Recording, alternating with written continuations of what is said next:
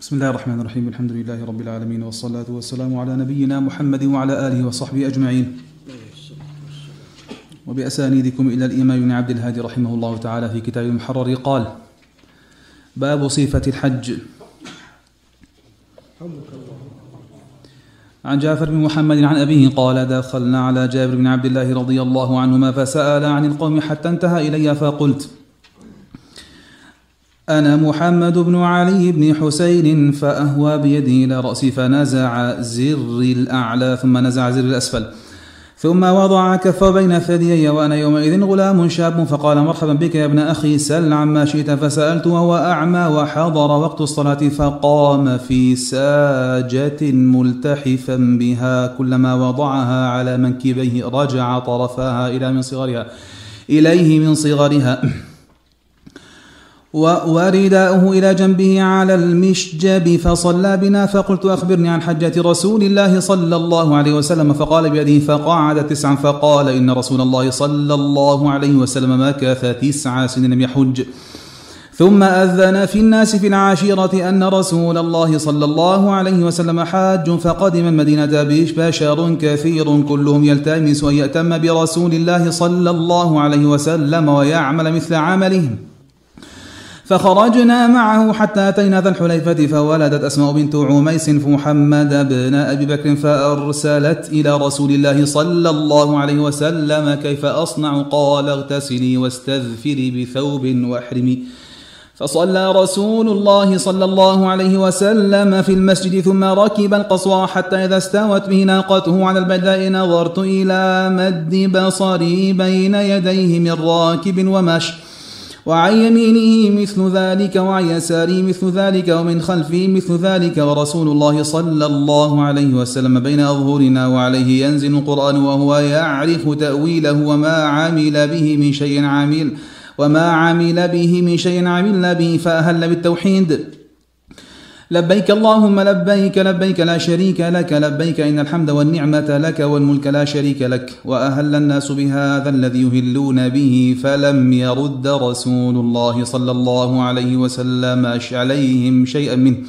ولزم رسول الله صلى الله عليه وسلم تلبية تلبيته. قال جابر لسنا ننوي إلا الحج لسنا نعرف العمرة حتى إذا أتينا البيت. معه استلم الركن فرمل ثلاثا ومشى أربعا ثم تقدم إلى مقام إبراهيم عليه السلام فقرأ.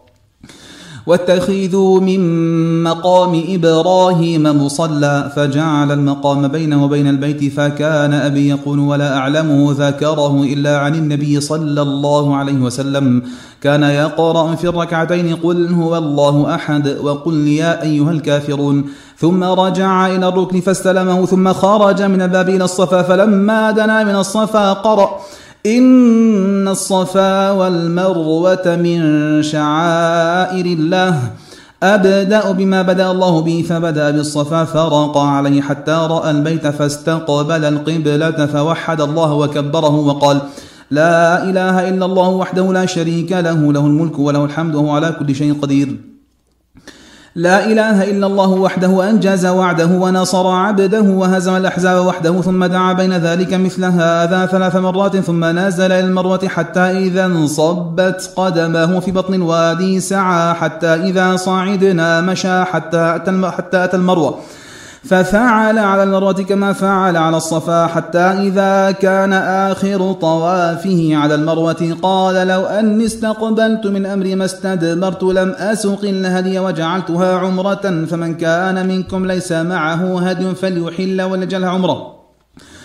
فقام سراقة بن مالك بن جعشم فقال يا رسول الله ألعامنا هذا أم للآبد فشبك رسول الله صلى الله عليه وسلم أصابعه واحدة في الأخرى وقال دخلت العمرة في الحج مرتين لا بل لأبد أبد. وقدم علي رضي الله عنه من اليمن ببدن النبي صلى الله عليه وسلم فوجد فاطمة ممن حل ولبست ثيابا صبيغا واكتحلت فأنكر ذلك عليها فقالت إن أبي أمرني بهذا. قال فكان علي يقول بالعراق فذهبت إلى رسول الله صلى الله عليه وسلم محرشا على فاطمة للذي صنعت مستفتيا لرسول الله صلى الله عليه وسلم فيما ذكرت عنه. فأخبرته أني أنكرت ذلك عليها فقال صدقت صدقت ماذا قلت حين فرضت الحج؟ قال قلت اللهم إني أهل بما أهل به رسول الله صلى الله عليه وسلم. قال فإن معي الهدي فلا تحل. قال وكان جماعة وكان جماعة الهدي الذي قدم به علي من اليمن والذي أتى به رسول الله صلى الله عليه وسلم مئة. قال فحل الناس كلهم وقصروا إلا النبي صلى الله عليه وسلم ومن كان معه هدي. فلما كان يوم التروية توجهوا إلى منى فأهلوا بالحج وركب رسول الله صلى الله عليه وسلم فصلى بهم الظهر والعصر والمغرب والعشاء والفجر. ثم مكث قليلا حتى طلعت الشمس وأمر بقبة من شعر تضرب له بنميره فسار رسول الله صلى الله عليه وسلم ولا تشك قريش إلا أنه واقف عند المشعر الحرام. كما كانت قريش تصنع في الجاهلية فأجاز رسول الله صلى الله عليه وسلم حتى أتى عرفة فوجد القبة قد ضربت له بنميره فنزل بها. حتى إذا زاغت الشمس أمر بالقصواء فرحلت له فأتى بطن الوادي فخاطب الناس وقال إن دماءكم وأموالكم حرام عليكم كحرمة يومكم هذا في شهركم هذا في بلدكم هذا. ألا كل شيء من أمر الجاهلية تحت قدمي موضوع. ودماء الجاهلية موضوعة وإن أول دم أضع من دمائنا دم ابن ربيعة بن الحارث وكان مسترضعا في بني سعد فقتلته هذيل. وربا الجاهلية موضوع وإن أول ربا أضع ربانا ربا عباس بن عبد المطلب فإنه موضوع كله. فاتقوا الله في النساء فإنكم أخذتموهن بأمان الله واستحللتم فروجهن بكلمة الله ولكم عليهن. ألا يوطئن فروش أي لا, لا يوطئن في فروشكم أحدا تكرهونه فإن فعلن ذلك فاضربوهن ضربا غير مبرح ولهن عليكم رزقهن وكسوتهن بالمعروف. وقد تركت فيكم ما لن تضلوا بعده إن اعتصمتم به كتاب الله وأنتم تسألون عني فما أنتم قائلون. قالوا نشهد أنك قد بلغت وأديت ونصحت فقال بإصبعه السبابة يرفعها إلى السماء وينكبها إلى الناس. اللهم اشهد اللهم اشهد ثلاث مرات. ثم أذن ثم قام فصلى الظهر ثم أقام فصلى العصر ولم يصل بينهما شيئا. ثم ركب رسول الله صلى الله عليه وسلم حتى أتى الموقف فجعل بطن ناقته القصوى إلى الصخرات وجعل جبل المشاة بين يديه. واستقبل القبلة فلم يزل واقفا حتى غربت الشمس وذهبت الصفرة قدر حتى غاب القرص وأردف أسامة خلفه ودفع رسول الله صلى الله عليه وسلم. وقد شنق للقصوى الزمام حتى إن رأسها ليصيب مورك رحله ويقول بيده اليمنى أيها الناس السكينة السكينة. وكلما أتى جبلا من الجبال أرخى لها قليلا حتى تصعد حتى أتى المزدلفة صلى بها المغرب والعشاء بأذان واحد وإقامتين. ولم يسبح بينهما شيئا ثم اضطجع رسول الله صلى الله عليه وسلم حتى طلع الفجر وصلى الفجر حين تبين له الصبح بأذان وإقامة. ثم ركب القصوى حتى أتى المشعر الحرام فاستقبل القبلة فدعاه وكبره وهلله ووحده فلم يزل واقفا حتى أسفر جدا فدفع قبل قبل أن تطلع الشمس. وأردف الفضل بن عباس وكان رجلا حسن الشعر أبيض وسيما فلما دفع رسول الله صلى الله عليه وسلم مرت به ظعن يجرين. فطفق الفضل ينظر إليهن فوضع رسول الله صلى الله عليه وسلم يده على وجه الفضل فحول الفضل إلى الشق الآخر ينظر. فحول رسول الله صلى الله عليه وسلم يده من الشق الآخر على وجه الفضل يصرف وجهه من الشق الآخر ينظر. حتى أتى بطن محسر فحرك قليلا ثم سلك الطريق الوسطى التي ثم سلك الطريق الوسطى التي تخرج على الجمرة الكبرى حتى أتى الجمرة التي عند الشجرة فرماها بسبع حصيات أو حصيات أو حصيات يكبر مع كل حصاة منها مثل حصى الخذف. رمى من بطن الوادي ثم انصرف إلى المنحر فنحر ثلاثا وستين بدنة بيده. ثم أعطى عليا رضي الله عنه فنحر ما غبر وأشركه في هديه ثم آمر من كل بدنة ببضعة فجعلت في قدر فطبخت فأكلا منها ما أكلا من لحمها وشرب من مرقها. ثم ركب رسول الله صلى الله عليه وسلم فأفاض إلى البيت فصلى بمكة الظهر فأتى بني عبد المطلب يسقون على زمزم فقال انزعوا بني عبد المطلب فلولا أن يغلبكم الناس على سقايتكم لنزعت معكم فناولوه دلوا فشرب منه. رواه مسلم. وله عن جابر رضي الله عنه أن رسول الله صلى الله عليه وسلم قال نحرتها هنا ومنا كلها منحر فانحروا في رحالكم ووقفتها هنا وعرفة كلها موقف ووقفتها هنا وجمع كلها موقف. وعن أبي ذر قال كانت المتعة في الحج لأصحاب محمد صلى الله عليه وسلم خاصة رواه مسلم. وعن عائشة رضي الله تعالى عنها وعن أبيها أن رسول الله صلى الله عليه وسلم لما جاء إلى مكة دخلها من أعلاها وخرج من أسفلها وعن نافع أن ابن عمر كان لا يقدم مكة إلا بات بذي طوى حتى يصبح ويغتسل ثم يدخل مكة نهارا ويذكر عن النبي صلى الله عليه وسلم أنه فعله. متفق عليه ولفظ مسلم. وعن ابن عباس رضي الله عنهما قال قدم رسول الله صلى الله عليه وسلم وأصحابه وأصحابه مكة وقد وهنتهم حمى يثرب. قال, قال المشركون إنه يقدم غدا قوم قد وهنتهم الحمى ولقوا منها شدة فجلسوا مما يلي الحجر وأمرهم النبي صلى الله عليه وسلم أن يرملوا ثلاثة أشواط ويمشوا ما بين الركنين ليرى المشركون جلدهم فقال المشركون هؤلاء الذين زعمتم أن الحمى قد وهنتهم هؤلاء أجلد من كذا وكذا قال ابن عباس ولم يمنعه أن يأمرهم أن يرملوا الأشواط كلها إلا الإبقاء عليهم متفق عليه وهذا مسلم. وعنه قال لم أرى رسول الله صلى الله عليه وسلم يستلم الركنين اليمانيين أو اليمانيين. رواه مسلم. وعن ابن وعن عباس بن ربيع وعن عابس بن ربيعة عن عمر أنه جاء إلى الحجر فقبله فقال إني أعلم أنك حجر لا تضر ولا تنفع ولولا أني رأيت رسول الله صلى الله عليه وسلم يقبلك. ما قبلتك متفق عليه. واللفظ البخاري. وعن أبي الطفيل قال رأيت رسول الله صلى الله عليه وسلم يطوف بالبيت ويستلم الركن بمحجن معه ويقبل المحجن. الله مسلم. وعن يعلى وهو ابن أمي وهو ابن أمية قال طاف النبي صلى الله عليه وسلم مطبعا ببرد أخضر رواه أحمد وأبو داود وهذا لفظه ابن ماجه والترمذي وصححه.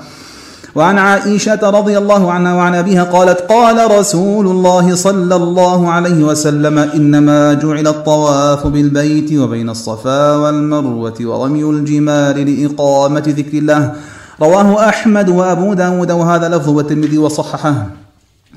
وعن محمد بن أبي بكر الثقفي أنه سأل أنس بن مالك وهما غاديان من منى إلى عرفة كيف كنتم تصنعون في هذا اليوم مع رسول الله صلى الله عليه وسلم؟ فقال كان يهل منا المهل فلا ينكر عليه ويكبر المكبر منا فلا ينكر عليه. وعن هشام بن عروة عن أبيه أنه أنه سئل أسامة وأنا جالس كيف كان رسول الله صلى الله عليه وسلم يسير في حجة الوداع حين دفع. قال كان يسير العنق فإذا وجد فجوة النص متفق عليهما. وعن قاسم عن عائشة رضي الله عنها قالت استأذنت سودة رسول الله صلى الله عليه وسلم ليلة المزدلفة تدفع قبله وقبل حطمة الناس. وكانت امرأة ثبيطة يقول قاسم والثبيط والثبيطة الثقيلة قالت فأذن لها فخرجت قبل دفعه وح وحبسنا حتى أصبحنا فدفعنا بدفعه ولأن أكون استأذنت رسول الله صلى الله عليه وسلم كما استأذنته سودة فأكون أدفع بإذنه أحب إلي من مفروح به وعن ابن عباس رضي الله عنهما قال بعثني رسول الله صلى الله عليه وسلم في الثقل أو قال في الضعافة من جمع بليل متفق عليهما ولفظ المسلم. وعنه قال قدمنا رسول الله صلى الله عليه وسلم ليلة المزدلفة أغيلمة بني عبد المطلب على حمرات لنا من جمع. قال سفيان بليل فجعل يلطخ أفخاذنا يل فجعل يلطح أفخاذنا ويقول ويقول ويقول إبنية. أبنية نعم. لا ترموا الجمرة حتى تطلع الشمس. رواه أحمد وأبو داود والنسائي وابن ماجه وفي سناد انقطاع وعن عائشة رضي الله عنها قالت أرسل النبي صلى الله عليه وسلم بأم سلامة ليلة النحر فرمت الجمرة قبل الفجر. ثم مضت فأفاضت وكان ذلك اليوم اليوم الذي يكون رسول الله صلى الله عليه وسلم تعني عندها. رواه أبو داود ورجاله رجال مسلم وقال بيهقي إسناده صحيح لا غبار عليه. وعن ابن مسعود رضي الله تعالى عنه قال ما رأيت رسول الله صلى الله عليه وسلم صلى صلاة إلى ميقاتها إلا صلاتين صلاة أو صلاة المغرب والعشاء بجمع. وصلى الفجر يومئذ قبل ميقاتها وفي لفظ قبل وقتها بغلس متفق عليه واللفظ المسلم وعن عروة بن مضرس وعن عروة بن مضرس بن حارثة بن لام الطائي قال أتيت رسول الله صلى الله عليه وسلم بالمزدلفة حين خرج إلى الصلاة فقلت يا رسول الله إني جئت من جبل طيء أكللت راحلتي وأتعبت نفسي. والله ما تركت من جبل إلا وقفت عليه فهل لي من حج؟ فقال رسول الله صلى الله عليه وسلم من شهد صلاتنا هذه وقف معنا حتى ندفع وقد وقف بعرفة قبل ذلك ليلا أو نهارا فقد تم حجه وقد تفثه رواه الإمام أحمد وأبو داود والنسائي بن ماجه والترمذي وهذا لفظه وصححه, وصححه والحاكم وقال هذا حديث صحيح على شرط كافة أئمة الحديث. وعن عمرو بن ميمون قال شهدت عمر رضي الله عنه صلى بمن الصبح, بمن الصبح ثم وقف فقال إن المشركين كانوا لا يفيضون حتى تطلع الشمس ويقولون أشرق ثبير وإن النبي صلى الله عليه وسلم خالفهم ثم أفاض قبل أن تطلع الشمس. رواه البخاري وزاد أحمد بن ماجه أشرق ثبير كيما نغير. وعن ابن عباس رضي الله عنهما أن أسامة بن زيد كان ردف النبي صلى الله عليه وسلم من عرفة إلى المزدلفة ثم أردف الفضل من المزدلفة إلى منى. قال فكلاهما قال لم يزل النبي صلى الله عليه وسلم يلبي حتى رمى جمرة العقابة رواه البخاري.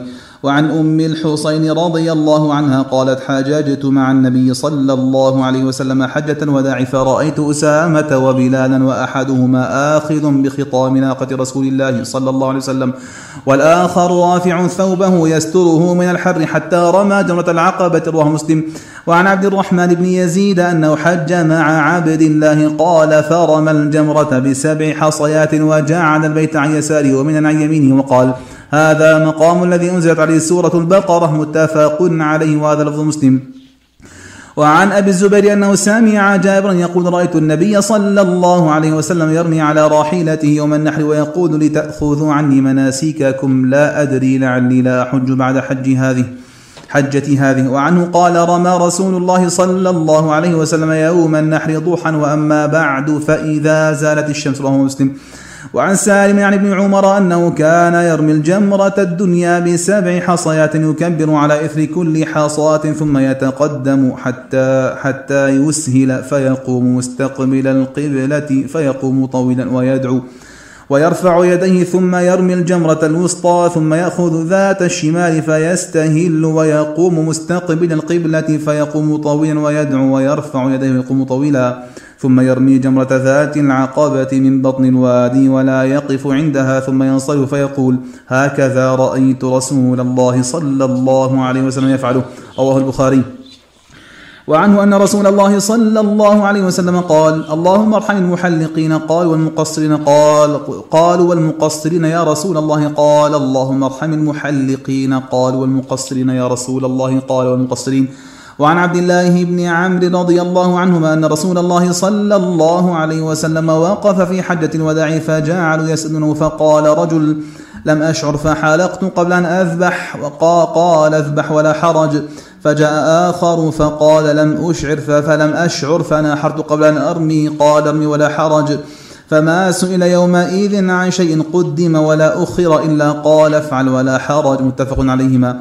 وعن المسور بن مخرمة أن رسول الله صلى الله عليه وسلم نحر قبل أن يحلق وأمر أصحابه بذلك رواه البخاري. وعن ابن عمر أن العباس بن عبد المطلب استأذن رسول الله صلى الله عليه وسلم أن يبيت بمكة ليالي يمينا من أجل سقايته فأذن له متفق عليه.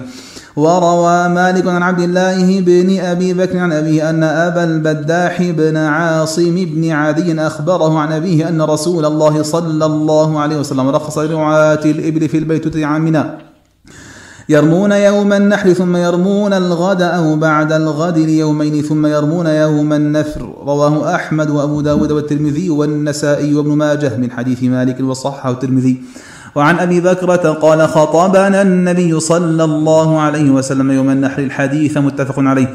وعن سراء بنت النبهان قالت خطبنا النبي صلى الله عليه وسلم يوم الرؤوس فقال أي يوم هذا؟ قلنا الله ورسوله أعلم. قال أليس أوسط أيام التشريق؟ رواه أبو داود بإسناد صالح. وعن ابن عباس رضي الله عنهما أن النبي صلى الله عليه وسلم لم يرمل من السبع الذي أفاض فيه. رواه أبو داود والنسائي بن ماجه والحاكم وصححه وقد أعل بالإرسال. وعن أنس بن مالك أن النبي صلى الله عليه وسلم صلى الظهر والعصر والمغرب والعشاء ثم رقد رقدة بالمحصب ثم ركب إلى البيت فطاف به رواه البخاري.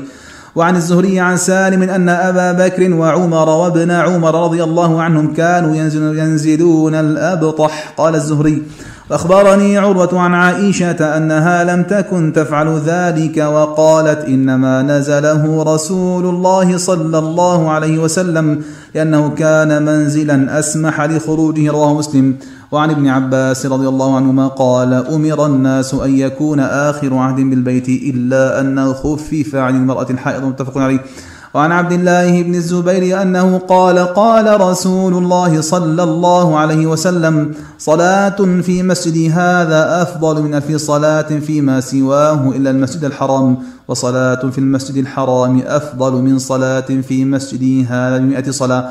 رواه الإمام أحمد وهذا لفظه وابن حبان وإسناد على شرط الشيخين على شرط الصحيحين قال باب الفوات والإحصار. قال عن سالم قال كان ابن عمر رضي الله عنهما يقول أليس حسبكم سنة أو أليس حسبكم سنة رسول الله إن حبس أحدكم؟ إن حبس أحدكم عن الحج طاف بالبيت وبالصفا والمروة ثم حل من كل شيء حتى يحج عاما قابلا فيهدي أو يصوم وإن لم يجد هديا.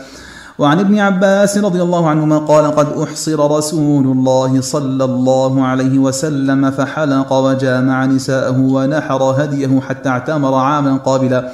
رواه البخاري. وعن عائشة رضي الله عنها قال دخل النبي صلى الله عليه وسلم على ضباعة بنت الزبير بن عبد المطلب فقالت يا رسول الله إني أريد الحج وأنا شاكية. فقال النبي صلى الله عليه وسلم حجي واشترطي أن محلي حيث حبستني. وفي رواية وكانت تحت المقداد متفق عليه مسلم. وعن سالم عن أبيه أنه كان ينكر الاشتراط ويقول أليس حسبكم سنة, رسول سنة نبيكم؟ رواه النسائي والترمذي وصححه. وعنه أنه قال من حبس دون البيت بمرض فإنه لا يحل حتى يطوف بالبيت وبين الصفا. رواه مالك في الموطأ. وعن عكرمة عن الحجاج بن عمرو الأنصاري قال قال رسول الله صلى الله عليه وسلم من كسر أو عرج فقد حل وعليه الحج من قابل قال فسألت ابن عباس وأبا هريرة عن ذلك فقال صدق. رواه أحمد وأبو داود والنسائي بن ماجه والترمذي وحسنه. ورواته ثقات وقد روي عن عكريمة عن عبد الله بن رافع عن الحجاج بن عمرو وهو أصح. قاله البخاري قال باب الهدي والأضاحي. قال عن عائشة رضي الله تعالى عنها قالت فتلت قلائد بدن رسول الله صلى الله عليه وسلم بيدي ثم أشعرها وقلدها ثم بعث بها إلى البيت وأقام المدينة. فما حرم عليه شيء كان له حلا وعن علي بن أبي طالب رضي الله تعالى عنه أن النبي صلى الله عليه وسلم أمره أن يقوم على بدنه وأمره أن يقصر بدنه كلها. لحومها وجلودها وجلالها في وجلالها في المساكين ولا يعطي في جزارتها منها شيئا. متفق عليهما ولفظ المسلم وعن أبي الزبير قال سمعت جابر بن عبد الله يسأل عن ركوب الهدي فقال سمعت رسول الله صلى الله عليه وسلم يقول اركبها بالمعروف إذا ألجئت إليها حتى تجد ظهرا. وعن وعن ابن عباس رضي الله عنهما أن ذؤيبا أبا قبيصه حدثه أن رسول الله صلى الله عليه وسلم كان يبعث معه بالبدن ثم يقول إن عاطب منها شيء فخشيت عليه موتا فانحرها ثم اغمس نعلها في دمها ثم اضرب في ثم اضرب بصفحتها ولا تطعمها أنت ولا أحد من أهل رفقتك. رواه مسلم. وعن عائشة رضي الله عنها وعن أبيها قالت أهدى النبي صلى الله عليه وسلم. مرة غنم متفق عليه. وعن ابن عباس رضي الله عنهما قال صلى رسول الله صلى الله عليه وسلم الظهر بذي الحليفة ثم دعا بناقته فأشعرها في صفحة سنامها الأيمن. وسلت الدم وقلدها نعلين ثم ركب راحلته فلما استوت به على البيداء أهل بالحج. رواه مسلم وأبو داود وزاد وسلت الدم بيده وفي لفظ بإصبع بإصبعه. وعن جابر قال نحرنا مع رسول الله صلى الله عليه وسلم عام الحديبية البدنة عن سبعة والبقرة عن سبعة رواه مسلم. وعن جند بن سفيان قال شهدت الأضحى مع رسول الله صلى الله عليه وسلم فلما قضى صلاته بالناس نظر إلى غنم قد ذبحت فقال من ذبح قبل الصلاة فليذبح شاة مكانها ولم يكن ذبح فليذبح على اسم الله متفق عليه. وعن جابر بن عبد الله قال صلى بنا النبي صلى الله عليه وسلم يوم النحر بالمدينة فتقدم رجال فنحروا وظنوا أن النبي صلى الله عليه وسلم قد نحر. فأمر النبي صلى الله عليه وسلم الناس من كان نحر قبله أن يعيد بنحر آخر ولا ينحروا حتى ينحر النبي صلى الله عليه وسلم. وعنه قال قال رسول الله صلى الله عليه وسلم لا تذبحوا إلا مسنة إلا أن يعسر عليكم فتذبحوا جذاعة من الضأن رواه مسلم. وعن أنس قال ضحى النبي صلى الله عليه وسلم بكبشين أملحين أقرنين ذبحهما بيده وسمى وكبر ووضع رجله على صفاحهما. متفق عليه. وعن أم سلمة قالت قال رسول الله صلى الله عليه وسلم من كان له ذبح يذبحه فإذا أهل هلال ذي الحجة أو الحجة فلا يأخذن من شعره. ولا من أظفاره شيء حتى يضحي رواه مسلم وقد روي موقوفا وعن عب عن عبيد بن فيروز قال سألت البراء بن عازب رضي الله عنه قلت حدثني ما نهى عنه رسول الله صلى الله عليه وسلم من أضاحي أو ما يكره. فقال قام فينا رسول الله صلى الله عليه وسلم ويدي أقصر من يدي فقال أربع لا تجزئ العوراء البين عورها والمريضة البين مرضها والعرجاء البين ضلعها والكسر التي لا تنقي. قلت إني أكره أن يكون في السن نقص وفي الأذن نقص وفي القرن نقص فقال ما كرهت فدعه ولا ولا ولا تحرمه على أحد. رواه الإمام أحمد وهذا لفظ أبو داود وابن ماجه وابن حبان والنسائي والترمذي وصححه. وعن أبي هريرة رضي الله عنه قال قال رسول الله صلى الله عليه وسلم من وجد ساعة فلم يضح فلا يقربن مصلانا. رواه أحمد واللفظ له ابن ماجه وصحح الترمذي وغيره وقفه. قال باب العقيقة. قال عن الحسن عن سمرة أن رسول الله صلى الله عليه وسلم قال كل غلام مرتهن بعقيقته تذبح عنه يوم السابع ويحلق ويسمى رواه أحمد وأبو داود بن ماجه والترمذي وصححه والنسائي وقال لم يسمع الحسن من سامورة إلا حديث العقيقة وعن أيوب عن عكرمة عن ابن عباس رضي الله عنهما أن رسول الله صلى الله عليه وسلم عق عن الحسن والحسين كبشا كبشا. رواه أبو داود والطبراني وإسناده على شرط البخاري لكن قد رواه غير واحد. عن أيوب عن عكرمة مرسلة قال أبو حاتم هو أصح. وعن أم كرز الكعبية قالت سمعت رسول الله صلى الله عليه وسلم يقول عن الغلام شاتان مكافئتان وعن جارية شاة رواه أحمد وأبو داود وهذا لفظ ابن ماجه والنسائي والترمذي وصححه. نكمل. قال كتاب الصيد والذبائح. قال عن قال عن الزهري عن أبي سلمة عن أبي هريرة قال قال رسول الله صلى الله عليه وسلم كان اتخذ من, من, من اتخذ كلبا إلا كلب ماشية أو صيد أو زرع انتقص من اجله كل يوم قراط. قال الزهري فذكر ابن عمر قول أبي هريرة فقال يرحم الله أبا هريرة كان صاحب زرع. وعن عدي بن حاتم قال قال لي رسول الله صلى الله عليه وسلم إذا أرسلت كلبك فاذكر اسم الله عليه. فإن أمسك عليك فأدركته حيا فاذبح وإن أدركته قبل قد قاتل ولم يكن منه شيئا فكل.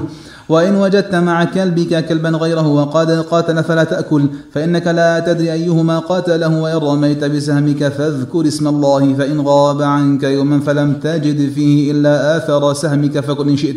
وإن وجدته غريقا في الماء فلا تأكل. متفق عليهما ولفظ مسلم.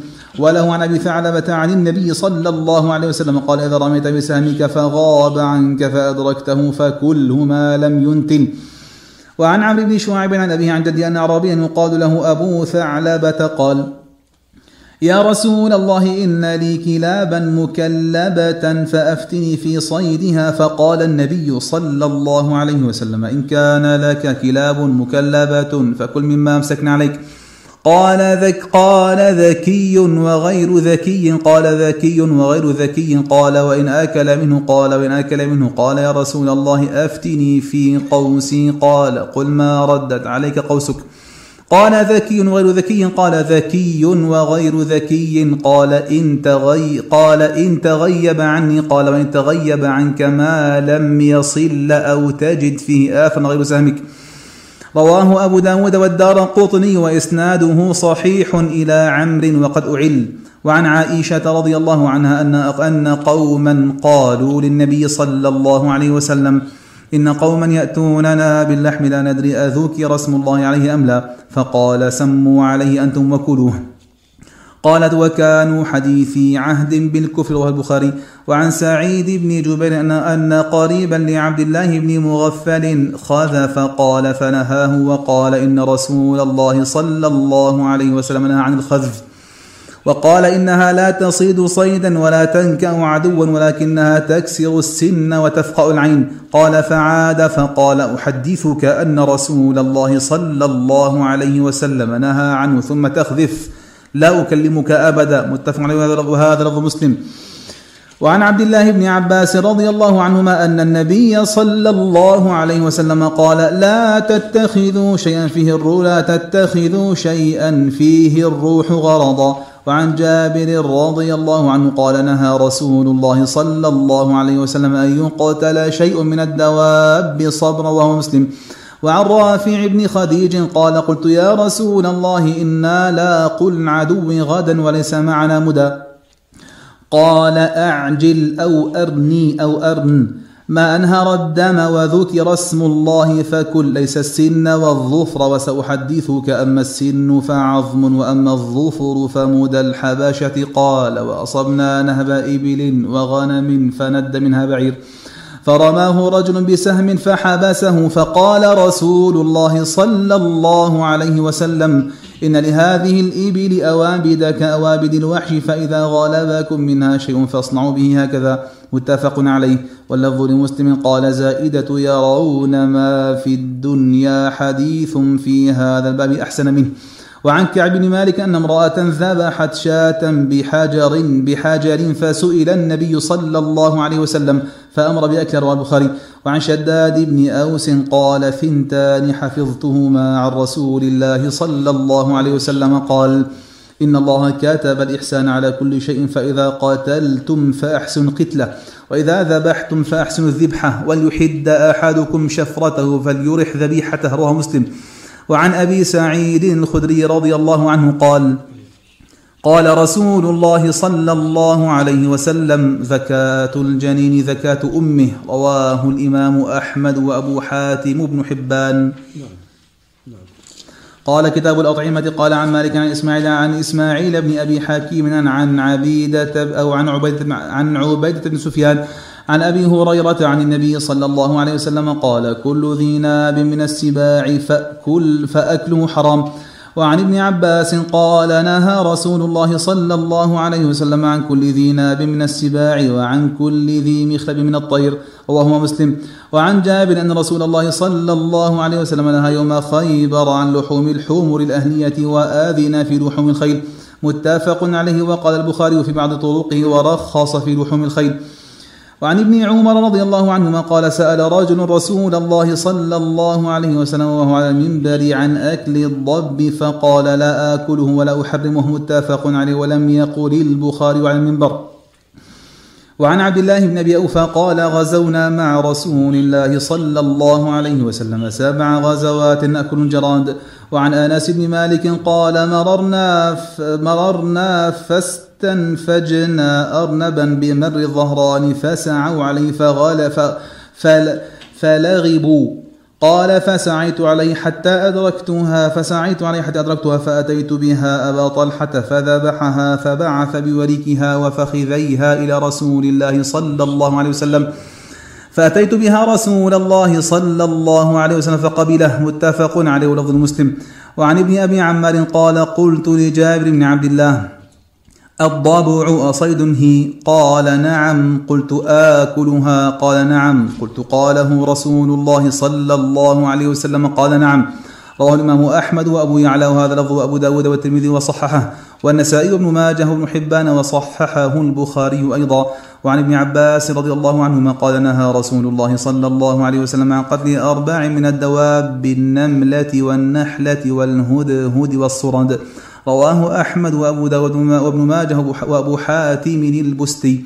وعن مجاهد عن ابن عمر قال نهى رسول الله صلى الله عليه وسلم عن أكل الجلالة وألبانها. رواه أبو داود وابن ماجه والترمذي وحسن وقدر المرسلة وعن عيسى بن نميلة الفزاري عن أبيه قال كنت عند ابن عمر فسئل عن أكل القنفذ فتل هذه الآية. قل لا أجد فيما أوحي إلي محرما على طاعم يطعمه. إلى آخر الآية فقال شيخ عنده سمعت أبا هريرة يقول ذكر عند النبي صلى الله عليه وسلم فقال خبيثة من الخبائث. فقال ابن عمر إن كان النبي صلى الله عليه وسلم قاله فهو كما قال رواه الإمام أحمد وأبو داود وقال البيهقي لم يروى إلا بهذا الإسناد وفيه ضعف. قال كتاب النذور عن ابن عمر عن النبي صلى الله عليه وسلم أن نهى عن النذر وقال إنه لا يأتي بخير وإنما يستخرج من البخيل. متفق عليه.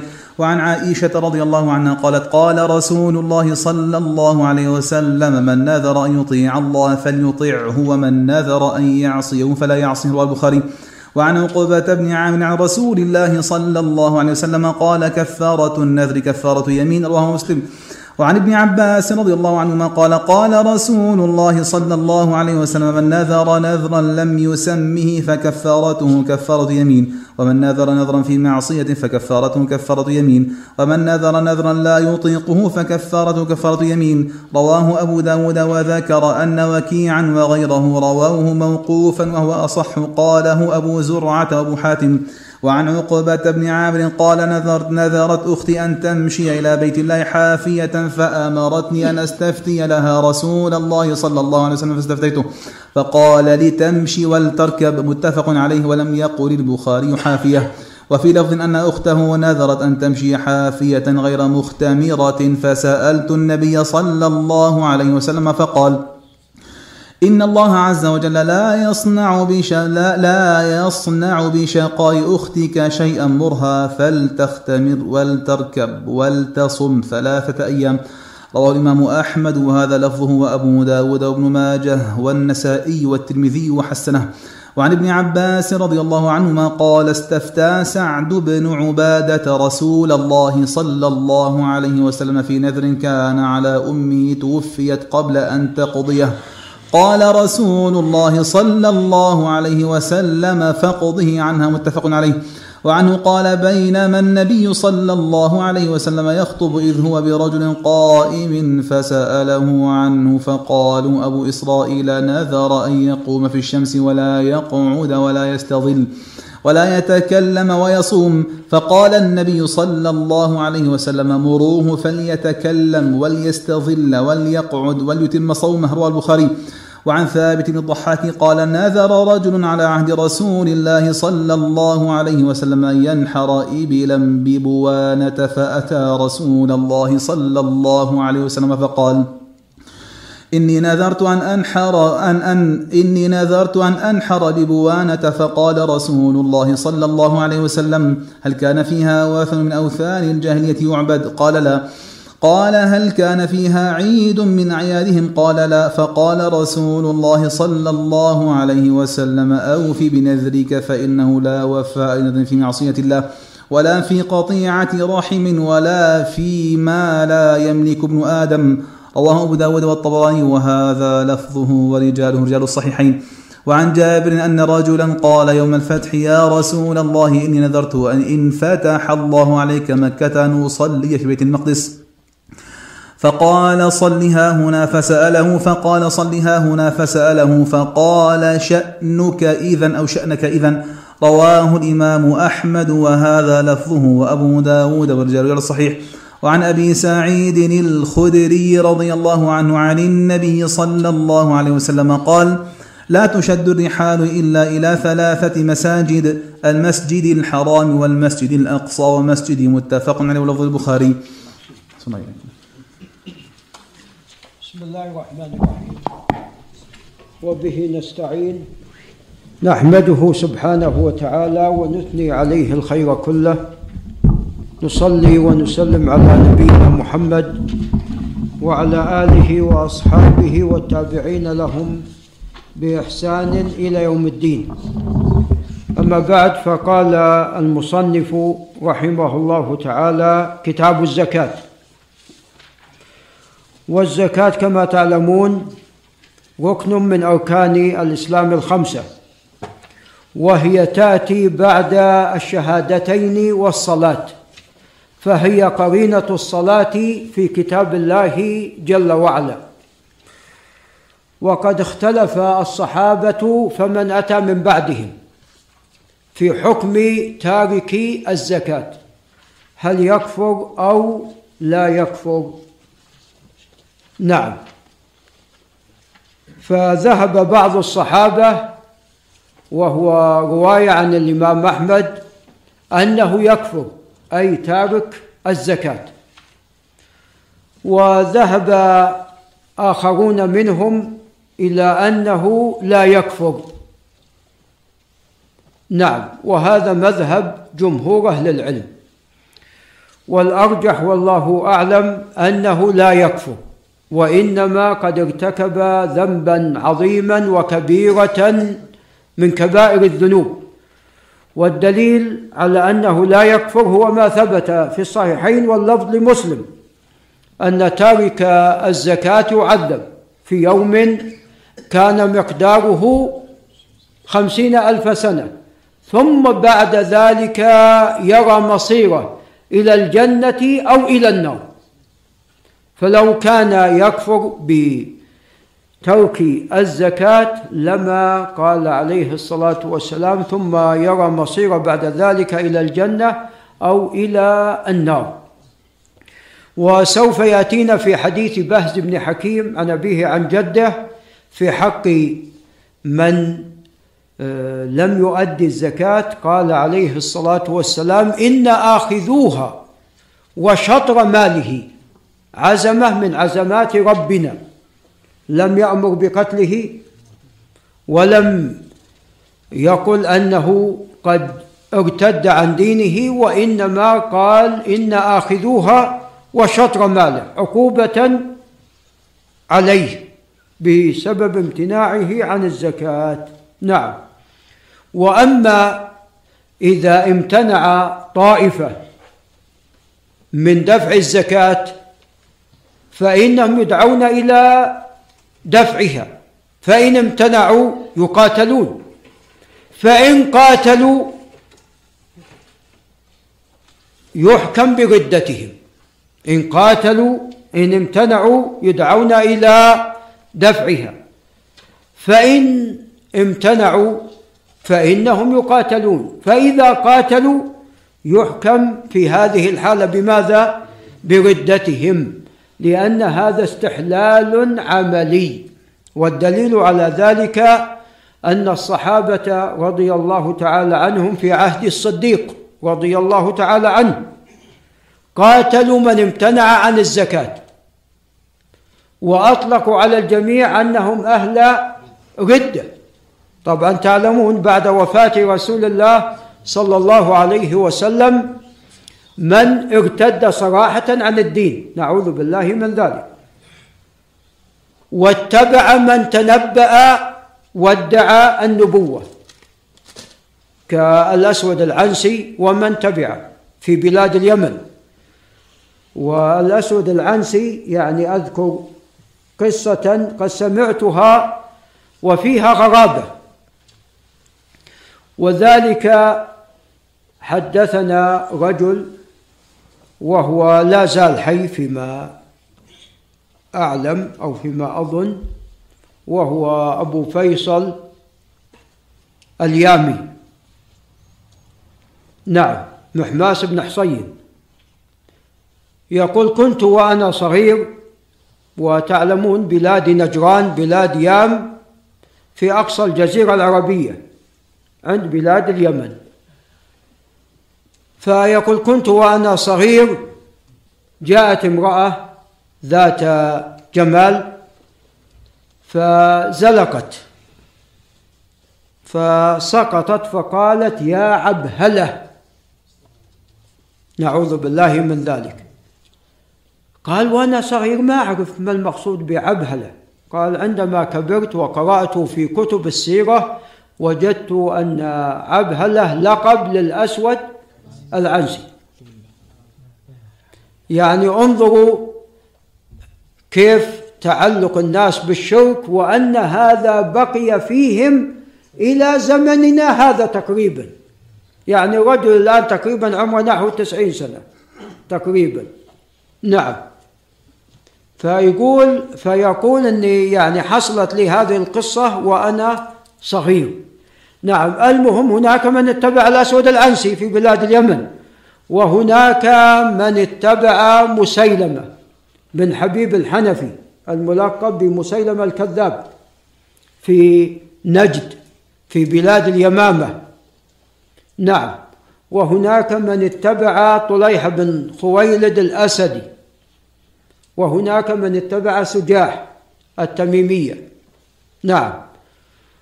وهناك قسم آخر توقف وأخذ يترقب من تكون من تكون له الغلبة فماذا؟ فيكون معه وهذا مسلم ولا كافر؟ هذا لا شك أنه كافر وهناك وهو موضع الشاهد من امتنع من الزكاة لم يكفر بالشهادتين ولم يتبع أحدا ممن تنبأ وادعى النبوة ولكن امتنع من دفع الزكاة. قال كنا ندفعها إلى رسول الله صلى الله عليه وسلم والآن حمك الله.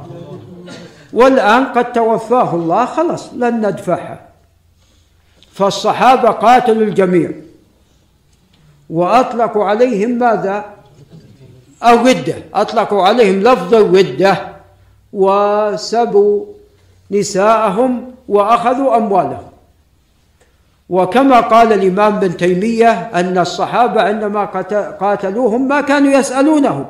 هل أنت مقر بالزكاة ولا لست بمقر؟ ما كان يسألونهم. هل أنت تقر ولا ما تقر؟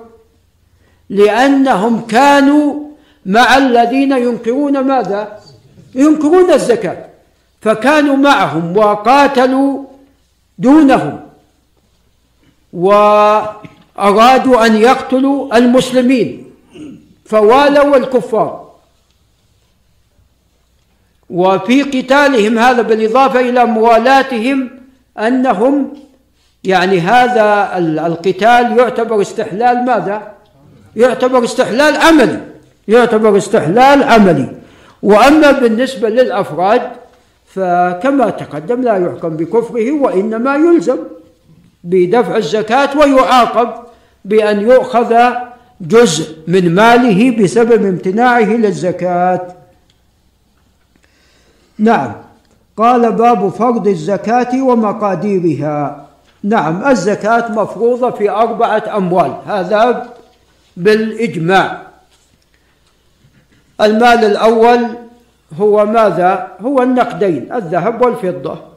نعم. والثاني هو السائمة من بهيمة الأنعام. والثالث زكاة الزروع والثمار. والرابع عروض التجارة. نعم. وهناك خلاف وقع في عروض التجارة ولكن والله أعلم الإجماع سابق لهذا الخلاف. فالخلاف ممن بعض من تأخروا نعم كأبي محمد بن حزم وغيره. نعم. وهناك أموال أخرى قد اختلف في وجوب الزكاة فيها كمثلا العسل. نعم وسوف يأتينا بإذن الله الكلام عليه وأنه لم يثبت والله أعلم شيء في العسل أو أن الأحاديث لا تخلو من كلام أو لها آه، توجيه كما سوف يأتي بمشيئة الله. فهذه كلها واجب فيها الزكاة وبالاتفاق. نعم. وهي نعم مقادير. نعم على نعم لا بد من بلوغ النصاب. نعم. وحولان الحول. نعم كما سوف يأتي. نعم إلا فيما يتعلق بزكاة الزروع والثمار أو زكاة الركاز نعم. وطبعا الربح تبع أصله في عروض التجارة. قال وعن ابن عباس رضي الله عنهما أن النبي صلى الله عليه وسلم بعث معاذا إلى اليمن وكان ذلك قبيل وفاته صلى الله عليه وسلم. يعني في السنة التاسعة أم أو العاشرة. حتى عندما رجع معاذ وجد أن النبي صلى الله عليه وسلم قد توفاه الله. فقال ادعهم إلى شهادة أن لا إله إلا الله. وفي رواية إنك سوف تقدم على قوم أهل كتاب فليكن أول ما تدعوهم إليه شهادة لا إله إلا الله. فكانت اليهودية هي الغالبة في بلاد اليمن. نعم من عهد تبع الحميري. ادعم إلى شهادة لا إله إلا الله وأني رسول الله صلى الله عليه وسلم فإنهم أطاعوك لذلك. هذا فيه الدعوة بالتدريج وأنك أول ما تبدأ به التوحيد. نعم. وأنه لا يصح شيء قبل التوحيد. نعم مهما الإنسان عمل من أعمال وهو ليس بموحد ولا بمؤمن فإن عمل لا ينفع. لا ينفعه ولذا قال الله عز وجل وقدمنا إلى ما عملوا من عمل فجعلناه هباء منثورا. وتعلمون أن أهل الجاهلية كانوا يعملون أعمالا من بقاء هي من بقايا دين إبراهيم ومن ذلك الحج والعمرة والصدقة. نعم. والعتاقة. نعم. فهذه الأشياء لا تنفعهم إلا لمن أسلم منهم كما قال حكيم. عندما قال الرسول عليه الصلاة والسلام ما قال قال له أسلمت على ما أسلفت من خير. كما في حديث هشام بن عروة عن أبيه عن حكيم بن حزام وهو في الصحيحين. نعم. فالدعوة إلى التوحيد هذا أولا. كما أنه أولا أيضا هو آخرا. لقنوا موتاكم. لا إله إلا الله. وما بينهما.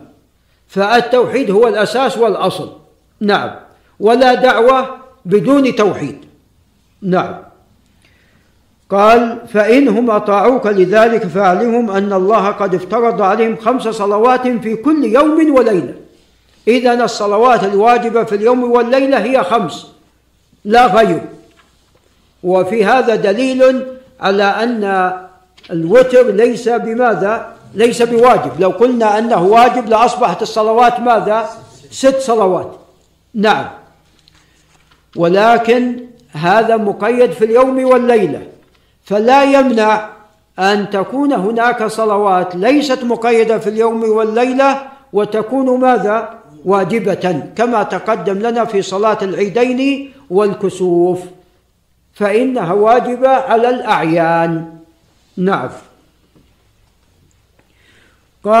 قال فإنهم أطاعوا لذلك فاعلمهم أن الله افترض عليهم صدقة في أموالهم تؤخذ من أغنيائهم. وقول عليه الصلاة والسلام في أموالهم يستفاد منه فائدة عظيمة.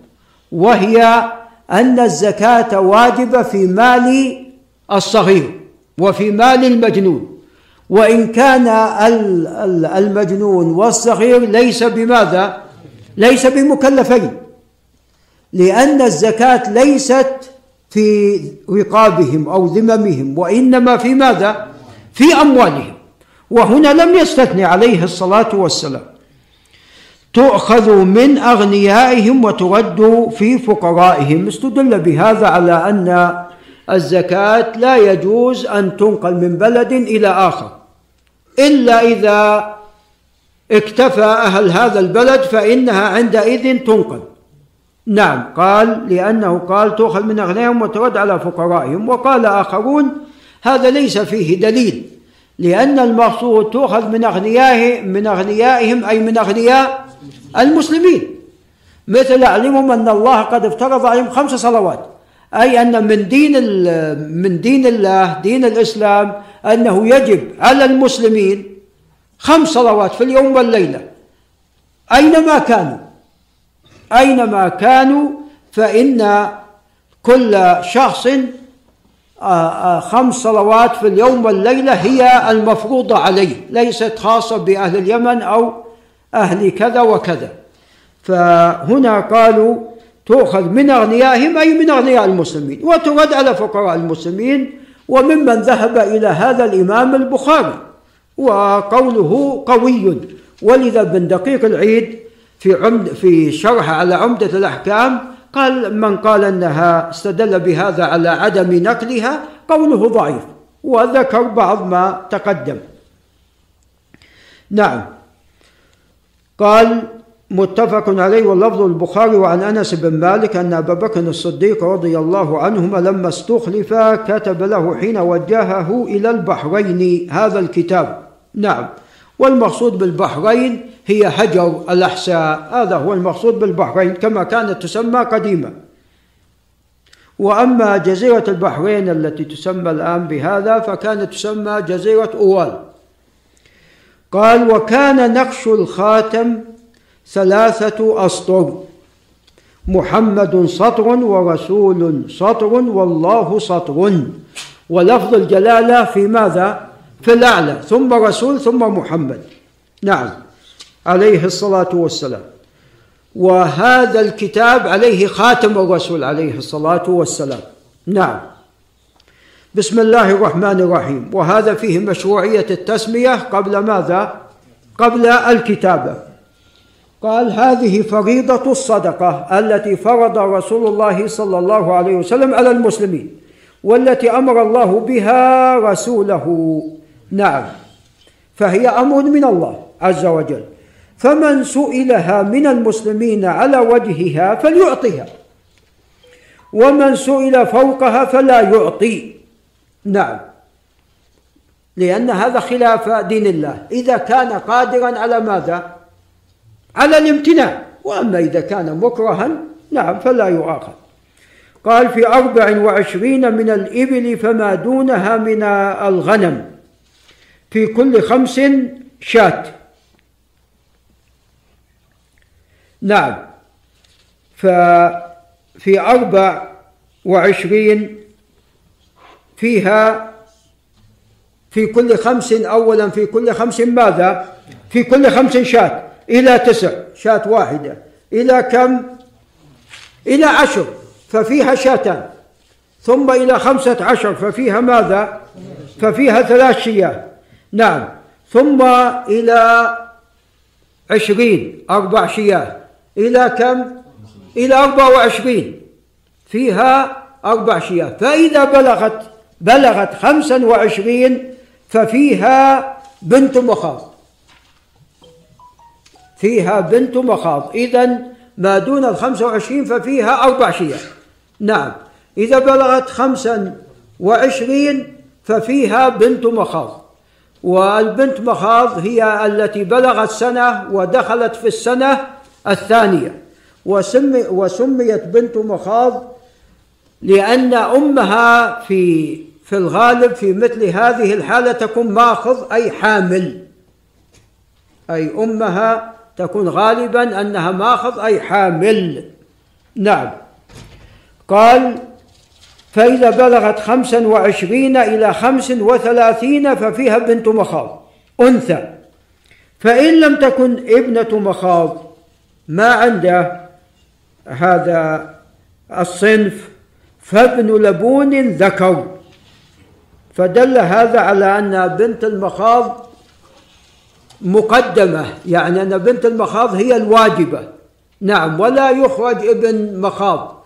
وإنما إذا لم توجد ينتقل إلى السن التي ماذا؟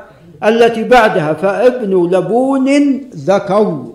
نعم فبنت المخاض أغلى من ابن المخاض. نعم.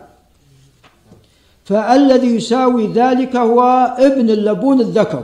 نعم إذا لم توجد بنت مخاض. قال ابن لبون ذكر هو الذي بلغ سنتين ودخل في ماذا؟ ودخل في الثالثة. قال فإذا بلغت ستا وثلاثين. نعم إلى خمس وأربعين. ففيها ابنة لبون أنثى. نعم بلغت سنتين ودخلت في الثالثة. فإذا بلغت ستا وأربعين إلى ستين ففيها حقة طروقة الجمل. نعم. والحقة هي التي بلغت أربع ودخلت في ماذا؟ دخلت في الخامسة. والحقة هي التي يعني تستحق أن يحمل عليها وتستحق الضراب. ولذا قال هنا عليه الصلاة والسلام ففيها حقة طروقة الجمل.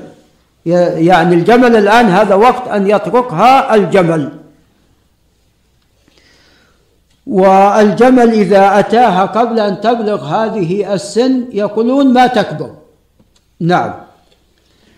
فإذا بلغت ما تكبر يعني فيما يتعلق بالحجم. فإذا بلغت واحدة وستين إلى خمس وسبعين ففيها جذعة. الجذعة التي بلغت خمس ودخلت في ماذا؟ في السادسة وتكون قد تجذع سنها فسميت جذعة. قال فإذا بلغ ستا وسبعين إلى تسعين ففيها بنت لبون. فإذا بلغت إحدى وتسعين إلى عشرين ومئة ففيها حقتان طروقة الجمل. فإذا زادت على العشرين ومئة ففي كل أربعين بنت لبون. إذا زادت على العشرين ومئة يكون في كل أربعين بنت, بنت لبون. وفي كل خمسين حقة. نعم. ففي كل أربعين يكون إذا زادت على المئة وعشرين في كل أربعين بنت لبون وفي كل خمسين يكون حقة. فإذا بلغت يعني مئة وخمسين يكون فيها ثلاث ماذا؟ يكون فيها ثلاث حقق قال ومن لم يكن معه إلا أربع من الإبل فليس فيها صدقة. الأربع من الإبل ليس فيها صدقة ما بلغت النصاب. إلا أن يشاء ربها. نعم. إلا إذا أراد أن يخرج هو فالأمر إليه. قال فإذا بلغت خمسة من الإبل ففيها شاة وفي صدقة الغنم في سائمتها. يشترط بهيمة الأنعام حتى تجب فيها الزكاة أن تكون سائمة جميع الحول أو أكثر الحول. لا بد أن تكون سائمة إما كل الحول وإما أكثر ماذا؟ وإما أكثر الحول. وأما إذا كانت ليست بسائمة أو سائمة في بعض الحول فهذه لا تجب فيها ماذا؟ لا تجب فيها الزكاة. نعم. قال وفي صدقة الغنم في سائمتها إذا كانت أربعين. إذا بلغت الأربعين شاة ففيها ماذا؟ شاة واحدة. يعني الأربعين شاة أي نعم. يعني تسعة وثلاثين ليس فيها ماذا؟ ليس فيها شيء. تسعة وثلاثين ليس فيها شيء إلا أن يشاء ربها. نعم. إلى كم؟ قال إلى فإذا زادت إلى نعم أربعين إلى عشرين ومائة شاة. إلى عشرين ومائة شاة شاة. فمن تبلغ الأربعين يكون فيها شاة إلى مئة وعشرين. فإذا زادت على العشرين ومائة يعني مئة وواحد وعشرين إلى مئتين ففيها شاتان. نعم. وطبعا هذا يشمل الظأن والمعز. يشمل الظأن والمعز. قال فإذا زادت على المئتين إلى ثلاثمائة ففيها ثلاث شياه. مئتين واحد إلى ثلاثمائة فيها ثلاث شياه. قال فإذا زادت على ثلاثمائة ففي كل مئة شاة. نعم. ثلاثمائة واحد إلى أربعمائة هذه فيها ماذا؟ أربع شياه قال فإذا كانت سائمة الرجل ناقصة من أربعين شاة شاة واحدة يعني تسعة وثلاثين فليس فيها ماذا؟ صدقة. نعم. إلا أن يشاء ربها ثم قال عليه الصلاة والسلام ولا يجمع بين متفرق نعم. طيب السؤال يا شيخ لو كان لأن اللي تطعم غير اللي ما تطعم بعد فيها ولا لا؟ والله هو تقدم يا شيخ حسن إذا كانت سائمة يعني ما تطعم. ما تطعم. ما تطعم. فهذه هي التي فيها الزكاة. فيها الزكاة. وأما إذا كانت تطعم فليس فيها زكاة إلا إذا كانت عروض ماذا؟ تجارة. هذا يعني مثلا الابن طارق عنده أربعين شاة يتاجر بها. فهذه فيها زكاة ولكن ليس زكاة بهيمة عام وإنما فيها زكاة في نعم زكاة تجارة وهي ربع العشر. نعم. قال ولا يجمع بين متفرق نعم. عندنا شخصان قد اشتركا كل واحد أتى بعشرين شاة. فأصبح المجموع كم؟ أربعين. الأربعين فيها ماذا من الزكاة؟ فيها شاة واحدة. سمعوا أن المصدق جاء. فماذا؟ فرقوا غنمهم. كل واحد رجع إلى ماله قال أنا خلاص هذا مالي أخ العشرين والثاني قال أنا أيضا العشرين. نعم وهم فعلوا ذلك حيلة. وسوف يرجعون إلى ما كانوا عليه إذا ذهب ماذا؟ إذا ذهب المصدق. فهذا لا يجوز. هذا حرام. هذا تحايل على ماذا؟ تحايل على الزكاة من أجل إسقاطها. قال ولا يفرق بين مجتمع. نعم. هذا بارك الله فيكم. اثنين عندهم ماذا؟ هذا اثنين كل واحد دفع أربعين أربعين فأصبح ثمانين عندهم. الثمانين كم فيها؟ فيها شاة واحدة. لا يفرق بينهما بحيث يكون كل واحد عليه ماذا؟ كل واحد عليه شاة لا. نعم. قال خشية الصدقة وما كان من خليطين فإنهما يتراجعان بينهما بالسوية. نعم. يعني على حسب ما المال الذي اشترك فيه. واحد اشترك مثلا بستين شاة والثاني بعشرين شاة. فالواجب عليهم هنا شاة واحدة. الواجب عليهم هنا في هذه الحالة شاة واحدة. فهذه الشاة الواحدة يكون صاحب الستين عليه منها ثلاثة ماذا؟ أرباع ويكون صاحب العشرين عليه الربع نعم. قال ولا يخرج في الصدقة هرمة. نعم وهي الكبيرة. إلا إذا كان كل الغنم ماذا؟ كل الغنم هرمات نعم. ولا ذات عوار ولا تيس. أيضا نفس الشيء. إذا كان كل اللي عنده ذكور فإنه يخرج يخرج من ماذا؟ يخرج من جملة هذه الذكور لأن ليس عنده إلا ذلك. قال إلا أن يشاء المصدق. نعم. قال وفي الرقة وهي الفضة ربع العشر. والذهب أيضا مثلها ربع زكاة النقدين ربع العشر. زكاة النقدين ربع العشر ولذا في أربعين دينارا من الذهب دينار. نعم. وبالتالي في المئة دينارين ونصف ربع العشر. نعم. فكل مئة ريال فيها ريالين ونصف الألف فيها خمسة وعشرين ريال وهكذا. إذا بلغت طبعا النصاب.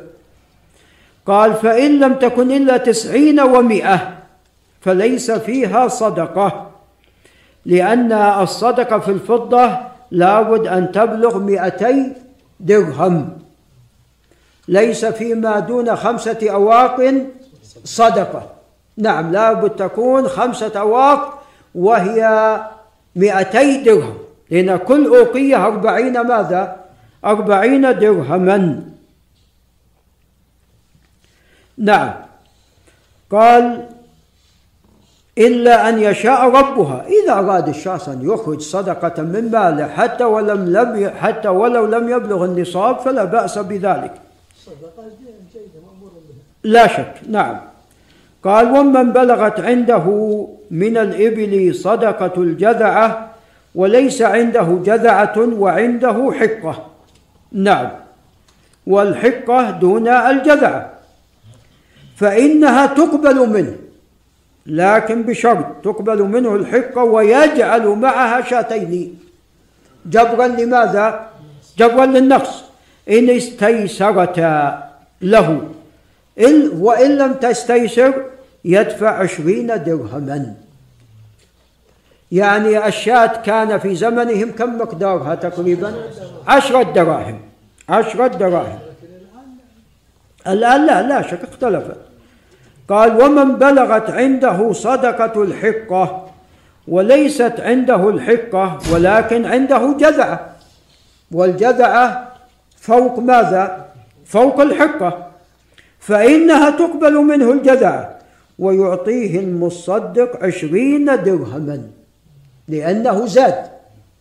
أخذ أكثر من مما يجب عليه. فيعطى عشرين درهما أو شاتين. ومن بلغت عنده صدقة الحقة وليست عنده إلا بنت لبون وهي دون الحقة فإنها تقبل منه بنت لبون ويعطي معها شاتين أو عشرين درهما. ومن بلغت عنده صدقته بنت لبون وعنده حقة أي أرفع فإنها تقبل منه الحقة حمك الله. ويعطيه المصدق عشرين درهما أو شاتين. نعم. قال ومن بلغ بلغت صدقته بنت لبون وليست عنده وعنده بنت مخاض دون ذلك فإنها تقبل منه بنت مخاض ويعطي معها عشرين درهما أو شاتين. ومن بلغ صدقته بنت مخاض وليست عنده وعنده بنت لبون أي أرفع فإنها تقبل منه ويعطيه المصدق عشرين درهما أو شاتين فإن لم يكن عنده بنت مخاض على وجهها وعنده بنت لبون أي أكثر فإنه يقبل منه وليس معه شيء. نعم. وعنده ابن لبون وعنده ابن لبون فإنه يقبل منه وليس معه شيء لأنها هنا تكون نعم مكافئة لبنت المخاض. نعم. قال وعن مسروق عن معاذ بن جبل قال بعثه النبي صلى الله عليه وسلم إلى اليمن فأمره أن يأخذ من كل ثلاثين بقرة تبيعا أو تبيعة. التبيع هو ما بلغ سنة ودخل في الثانية وسمي ذلك لأنه يتبع ماذا؟ يتبع أمه. قال ومن كل أربعين مسنة فإذا إذا كان إذا نصاب نصاب الزكاة في البقر هو ما بلغ ثلاثين فأكثر. فإن كان ثلاثين ففيها تبيع أو تبيعة وهنا في البقر يتساوى الذكر مع ماذا؟ مع الأنثى. نعم بخلاف نعم. قال ومن عفوا نعم. ومن كل أربعين مسنة نعم. كل أربعين بقرة أو إذا كان الذكور أيضا فإنه في هذه الحالة يكون عليه مسنة. والمسنة من بلغ سنتين دخلت في الثالثة.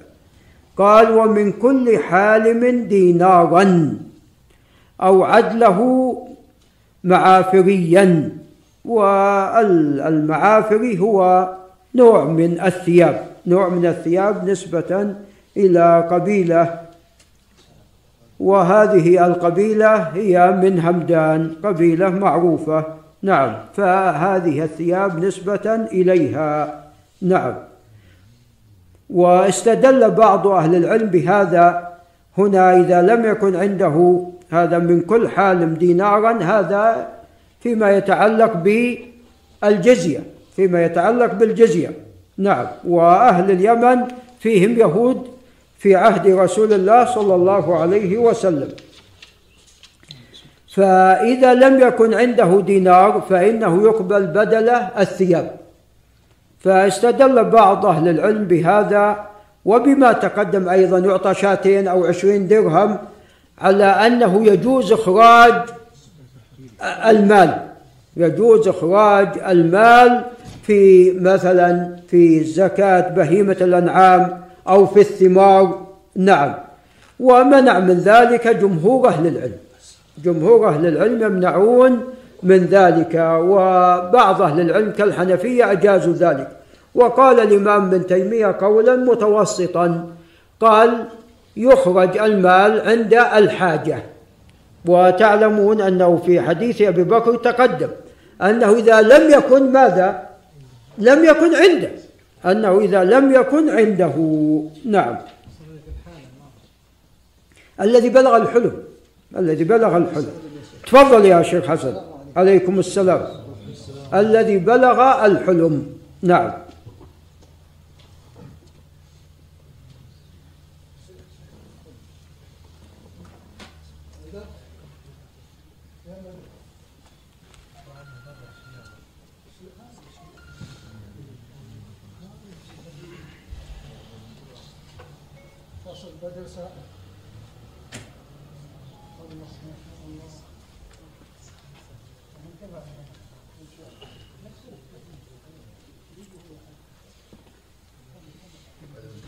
تفضل.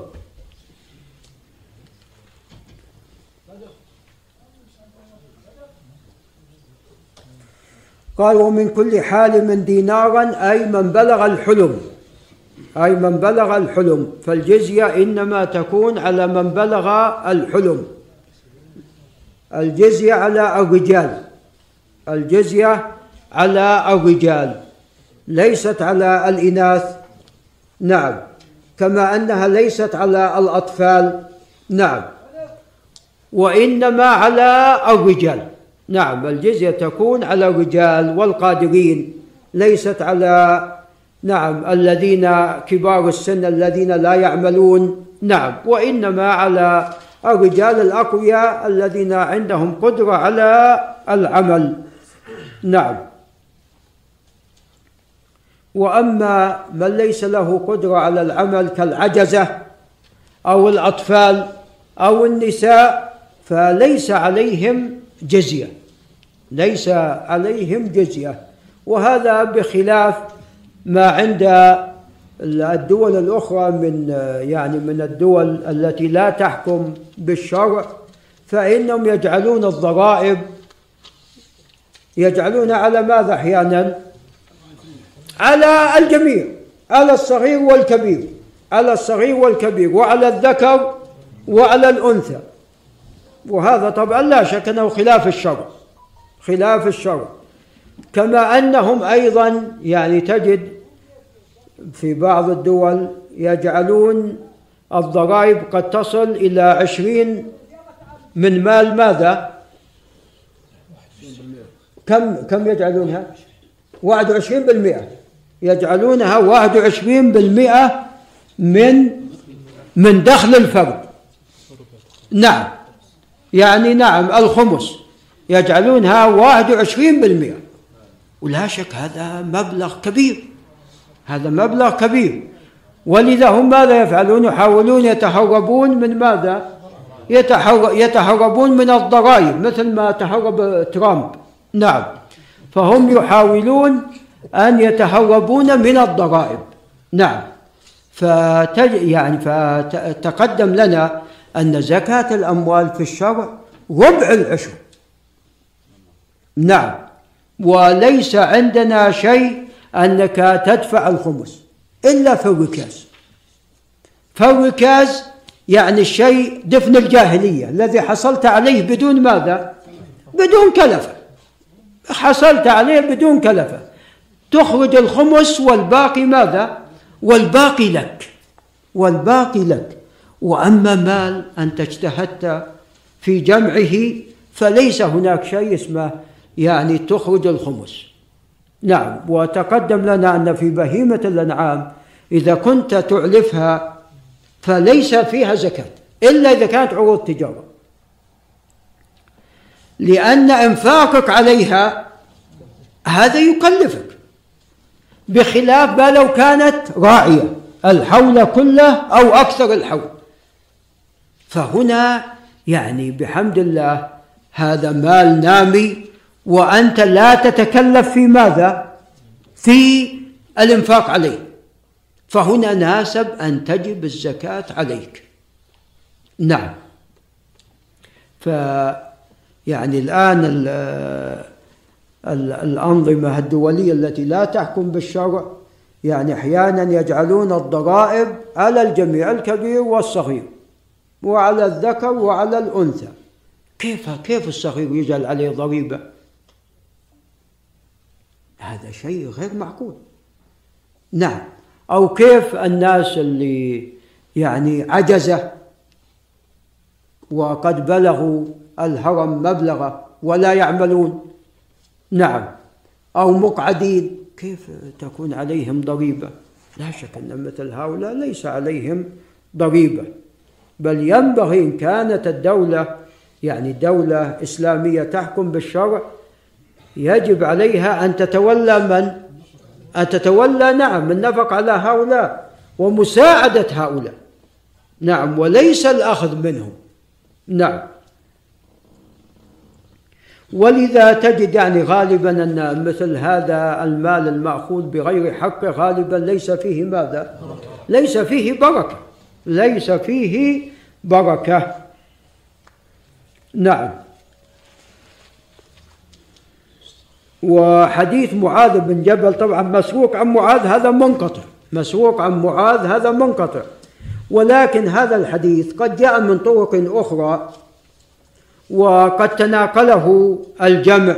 ونقل الاتفاق على أن زكاة البقر هو ما جاء في حديث معاذ. نقل الاتفاق على أن زكاة البقر هو ما جاء في حديث معاذ ابن جبل. نعم.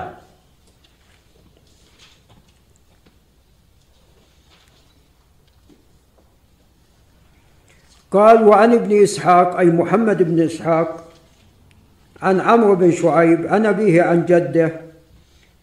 وتقدم لنا أن عمرو بن شعيب هو بن محمد بن عبد الله بن عمرو بن العاص وأن هذه السلسلة من القسم الحسن وأن أغلبها مستقيم. نعم في هناك أشياء يسيرة تستنكر. قال عن النبي صلى الله عليه وسلم قال لا جلب. تقدم لنا أنه فسر بتفسيرين لا جلب لا تجلب الأموال. أي بهيمة الأنعام لا تجلب إلى المصدق. لأن هذا يكلف أصحاب من؟ أصحاب الأموال أصحاب بهيمة الأنعام يكلفهم. نعم. فلا جلب. هذا تفسير. والتفسير الآخر أنه لا يجلب على الخيل في السباق حتى يعني تسبق. نعم. لا يجب عليها بالصوت والإزعاج حتى تسرع. قال ولا جنب. نعم. والجنب هو أن المتسابق يجنب معه فرسا. فإذا تعبت فرسه التي كان راكبا عليها انتقل للفرس الأخرى. قال ولا تؤخذ صدقاتهم. هذا يؤيد أن لا جلب لا تجلب. هذه البهيمة. ولا تؤخذ صدقاتهم إلا في دورهم. نعم. قال رواه أبو داود. والصدقة من بهيمة الأنعام لا يبعث المصدقين إلا في وقت الصيف. نعم في الأصل في وقت الصيف لأن في وقت الشتاء تكون هذه الأموال أين؟ قد تكون هذه الأموال في المراعي. وهذه المراعي قد تكون بعيدة وبالتالي تكون منتشرة. نعم. فيصعب هنا ماذا؟ يصعب جمعها. بينما في الصيف ينزلون على موارد المياه وفي دورهم. قال رواه أبو داود وهذا لا بأس بإسناده.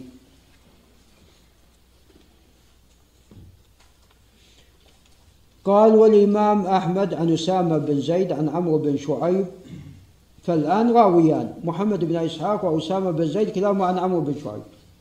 عن أبي عن جده عبد الله بن عمرو أن الرسول عليه الصلاة والسلام قال تؤخذ صدقات المسلمين على مياههم. يعني في الصيف عندما ينزلون على المياه. قال وعن أبي هريرة رضي الله عنه قال قال رسول الله صلى الله عليه وسلم ليس على المسلم في عبده. ولا فرسه صدقة.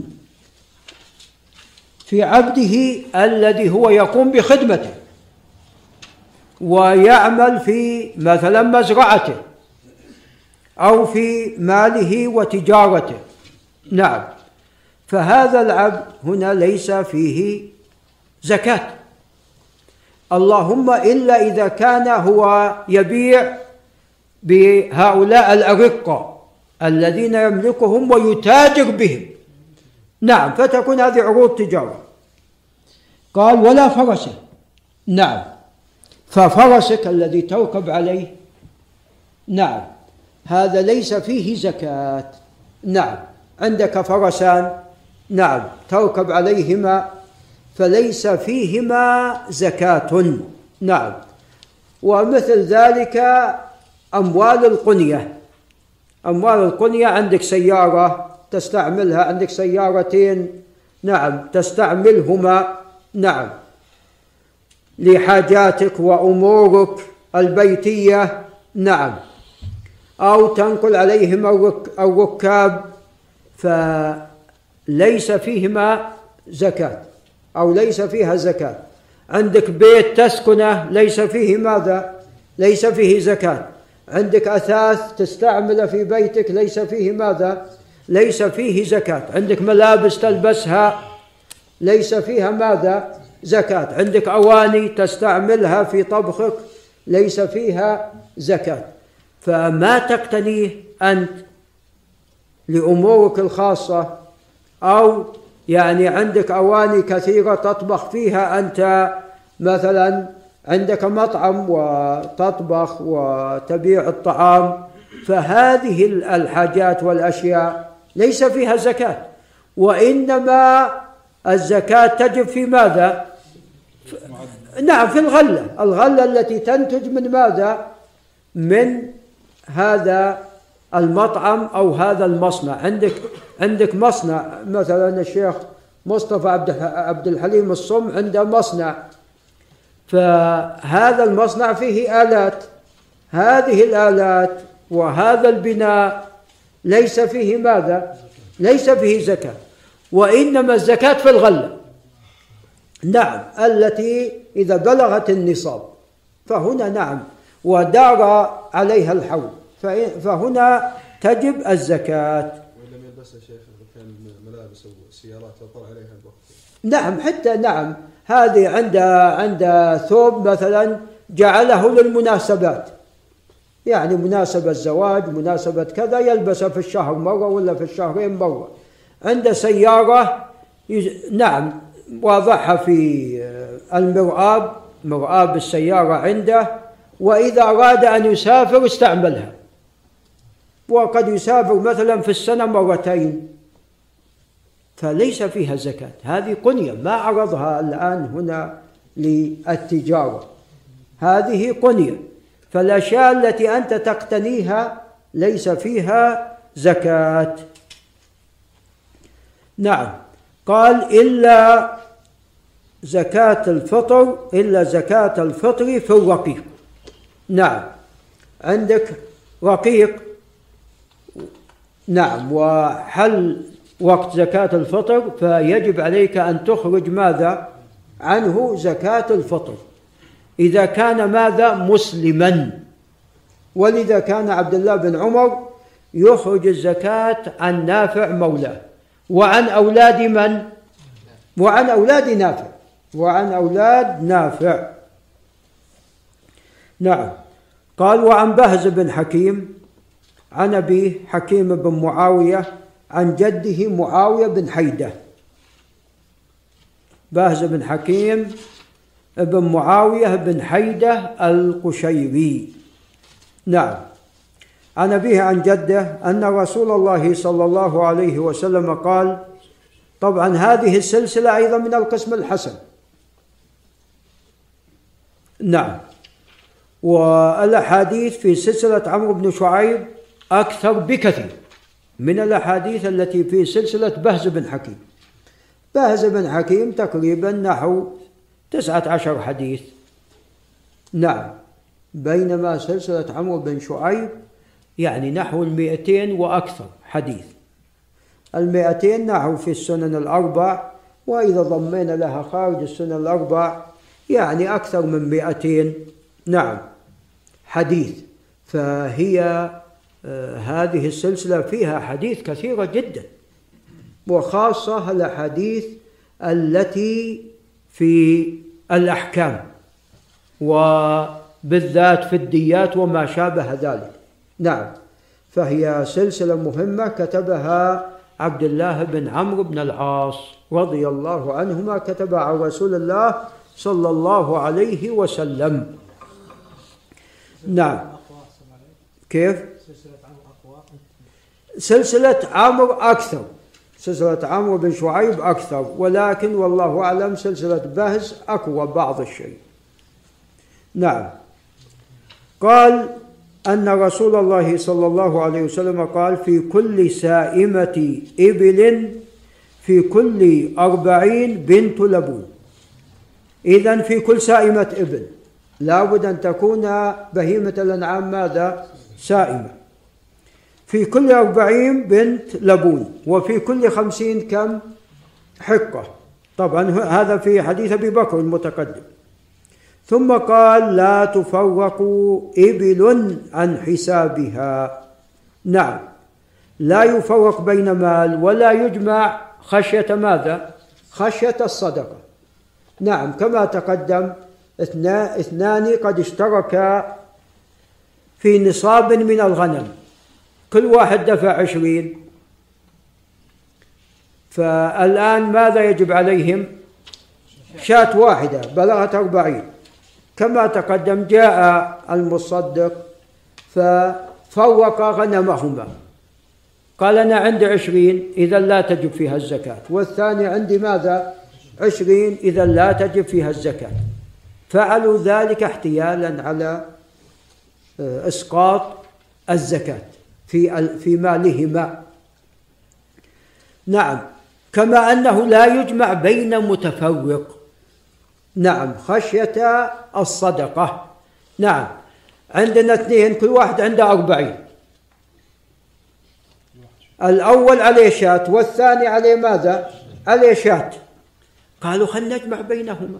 حتى يكون علينا بدل شاتين شاة واحدة. هذا لا يجوز. هذا لا يجوز. نعم. إن كان تقدم في حديث أبي بكر الصديق مثال خلاف هذا فهو خطأ. نعم. لا يجمع بين متفرق خشية الصدقة. نعيد مرة أخرى. عندنا شخصين كل واحد عنده أربعين شاة. إذا كل واحد عليه شاة. قالوا جاء المتص... جاء المصدق. إذا لنجمع مالينا حتى بدل لا نخرج شاتان نخرج ماذا؟ شاة واحدة. فهذا لا يجوز. نعم والمثال الذي تقدم في حديث أبي بكر إن كان خلاف هذا فهو خطأ. نعم. قال من أعطاها مؤتجرا بها فله أجرها. من أعطاها مؤتجرا بها أي لله. وطلب الأجر من الله. فله ماذا؟ له أجرها. ومن منعها؟ ما أخرجها. فإن آخذوها. نعم رغما عليه. رغما على أنفه. فإن آخذوها وشطر ماله. عزمة من عزمات ربنا. نعم يعني شيء مؤكد جزما. نعم نأخذ شطر ماله. اختلف أهل العلم في هذا الحديث من حيث الصحة بسبب هذا الإشكال وشطر ماله. فإن كان عنده مثلا ألف من الإبل وامتنع من دفع الزكاة يؤخذ منه الواجب وشطر ماله. شطر ماله كم؟ خمسمية. فيؤخذ خمسمية. شيء كثير ولا مو بكثير؟ شيء كثير. فهذا جعل بعض أهل العلم يستنكر هذه اللفظة. فمنهم استنكرها فرد الحديث. وتكلم في سلسلة بهز بن حكيم عن أبيه عن جده. وابن حبان استشكل ذلك. ومنهم من قبل الحديث وتأول هذا اللفظ. وهو إبراهيم الحربي. قال الحديث هو معناه أو أن لفظه الصحيح. نعم. وإن فإن آخذوها من شطر ماله. فإن آخذوها من شطر ماله. إبراهيم الحربي يقول صواب الحديث هكذا. فإن آخذوها من شطر ماله. كيف ذلك؟ يعني نجعل ماله نصفين. الطيب قسم. ودون الطيب نعم الردي أو, أو, أو أعلى منه لكن ليس بطيب شطر ثاني. فنأخذ الزكاة من الشطر ماذا؟ نعم من الشطر الطيب عقوبة له. هكذا يقول تفضل. هكذا يقول إبراهيم الحربي رحمه الله تعالى. نعم. وقال بعض أهل العلم أن الشطر لا يطلق على النصف أن الشطر لا يلزم أن يكون النصف الشطر. يطلق على يطلق ويراد به النصف ويطلق ويراد به جزء المال. يعني لو حتى بعض المال. فرجح بعض أهل العلم هذا المعنى. نعم. وهذا وجيه هذا وجيه. وإذا قلنا بذلك فإن الإشكال ماذا؟ فإن الإشكال يزول. فإن الإشكال يزول. وهو أن الشطر يطلق ويراد به النصف ويطلق ويراد به بعض المال. نعم جزء من المال جزء من المال ليس نصفه وإنما بعضه جزء منه. فيطلق عليه شطر. نعم. فإذا قلنا بذلك وهذا رجح بعض أهل العلم هنا ال- الإشكال يزول في هذه الحالة.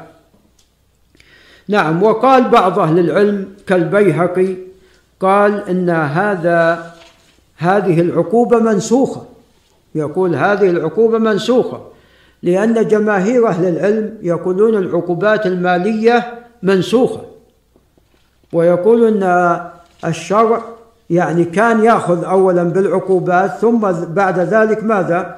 نسخ وقال بعضهم أن إذا أخذنا إذا جعلنا عليه عقوبة مالية هذا فيه يعني فتح باب للظلمة أن يأخذوا من الناس أموالهم بحجة ماذا؟ بحجة العقوبات المالية.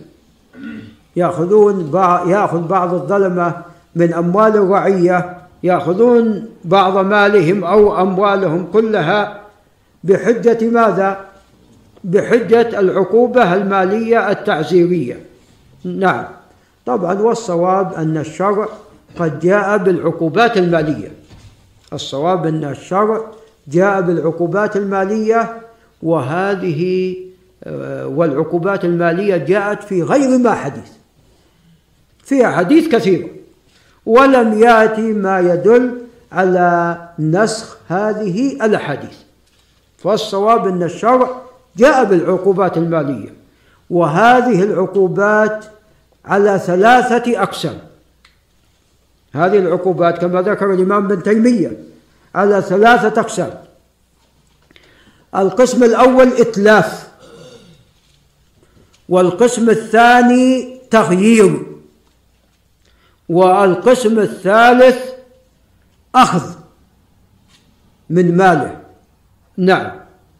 واستيلاء على شيء من ماله. نعم. فعلى ثلاثة أقسام. أما الأول الذي هو الإتلاف فهذا مثل مسجد ماذا؟ الضرار. أمر عليه الصلاة والسلام بماذا؟ بهدمه وإحراقه نعم هذا عقوبة له قال الله تعالى لا تقم فيه أبدا. لمسجد أسس على التقوى من أول يوم أحق أن تقوم فيه. فهذا إتلاف نعم. ومن ذلك شخص مثلا يتاجر بالدخان أو الأشياء المحرمة. عقوبة لا تتلف ماذا؟ تتلف. نعم يتاجر بالخمور وظروف الخمور نعم كلها تتلف وتكسر. نعم. القسم الثاني وهو التغيير. نعم. يعني مثل التصاوير. فيعاقب صاحبها بأن ماذا؟ بأن تغير. وذلك بطمس ماذا؟ الصور أو بكسر ماذا؟ بكسر الأصنام. بكسر الأصنام. نعم. فهذه عقوبة هذا القسم الثاني أنها تغير وذلك بكسرها وإزالة هذا المنكر عقوبة له. نعم. القسم الثالث وهو نعم المصادرة. مصادرة ماله وأخذ ماله. كما جاء في حديث ماذا؟ في حديث بهس يعني آخذوه وشطر ماله فإذا قلنا شطر ماله بعض ماله هذا يكون ماذا؟ عقوبة له. ومثل ما جاء في الحديث الآخر أن الذي يسرق من غير حرز وغير الحرز هل تقطع فيه اليد؟ لا تقطع فيه اليد ولكن يعاقب بعقوبة مثلية. مثلية أي بمضاعفة للثمن أو ثمن السلعة التي ماذا؟ التي سرقها وأخذها. عقوبة عليه. تساوي ألف يؤخذ من عند ماذا؟ ألفين. يؤخذ منه ألفان عقوبة له. نعم.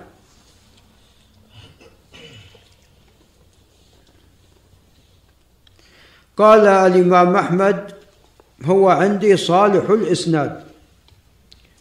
وقال الشافعي لا يثبته أهل العلم بالحديث ولو ثبت قلت به. وذكر ابن حبان أن بهزا كان يخطئ كثيرا. قال ولولا رواية هذا الحديث لأدخلته في الثقات. يعني الذي منعه من إدخاله في الثقات ماذا؟ هو هذا الحديث. ثم قال وهو ممن استخير الله فيه. قال المصنف ردا على ابن حبان وفي قوله نظر بل هذا الحديث صحيح وبهز ثقة عند أحمد وإسحاق وابن معين وابن المديني وأبي داود والترمذي والنسائي وغيرهم والله أعلم. وقد تقدم الجواب عن الإشكال الذي وقع في الحديث. نعم. وقال أبو داود حدثنا سليمان بن داود المهري وهو ثقة قال أخبرنا بن وهب وهو حافظ قال أخبرني إيه نعم الإسناد حسن نعم. حسن حسن. سلسلة باز حسن. والحسن داخل في الصحيح طبعا لأن المتقدمون أغلبهم ما كانوا يفرقون قال أخبرني جرير بن حازم وجرير بن حازم هو الأزدي وهو ثقة إلا فيما حدث به في مصر. وهذا فيما يظهر مما حدث به في مصر لأن الراوي عنه من؟ ابن وهب وهو مصر قال وسمى آخر. نعم. عن أبي إسحاق طبعا الآخر والله أعلم هو عبد الله بن لهيعة.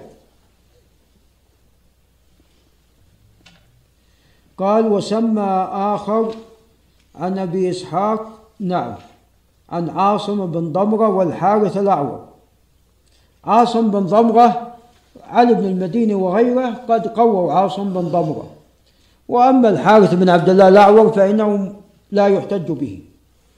كلاهما عن علي رضي الله عنه عن النبي صلى الله عليه وسلم قال إذا كانت لك لك مئة درهم وحال عليها الحول ففيها خمسة دراهم.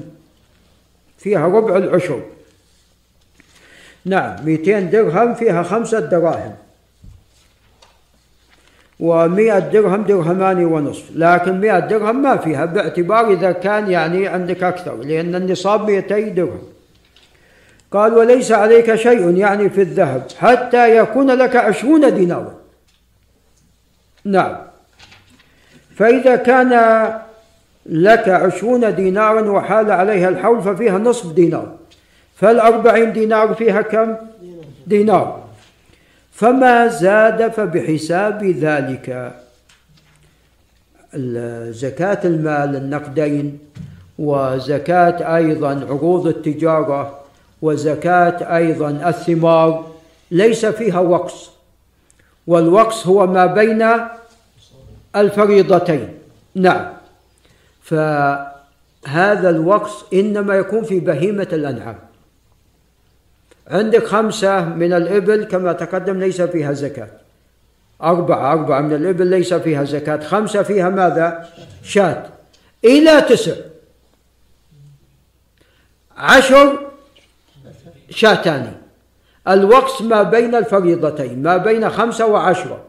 هذا الوقت ليس فيه ماذا؟ ليس فيه شيء. يكون تابع لأي شيء؟ للأول للذي قبله.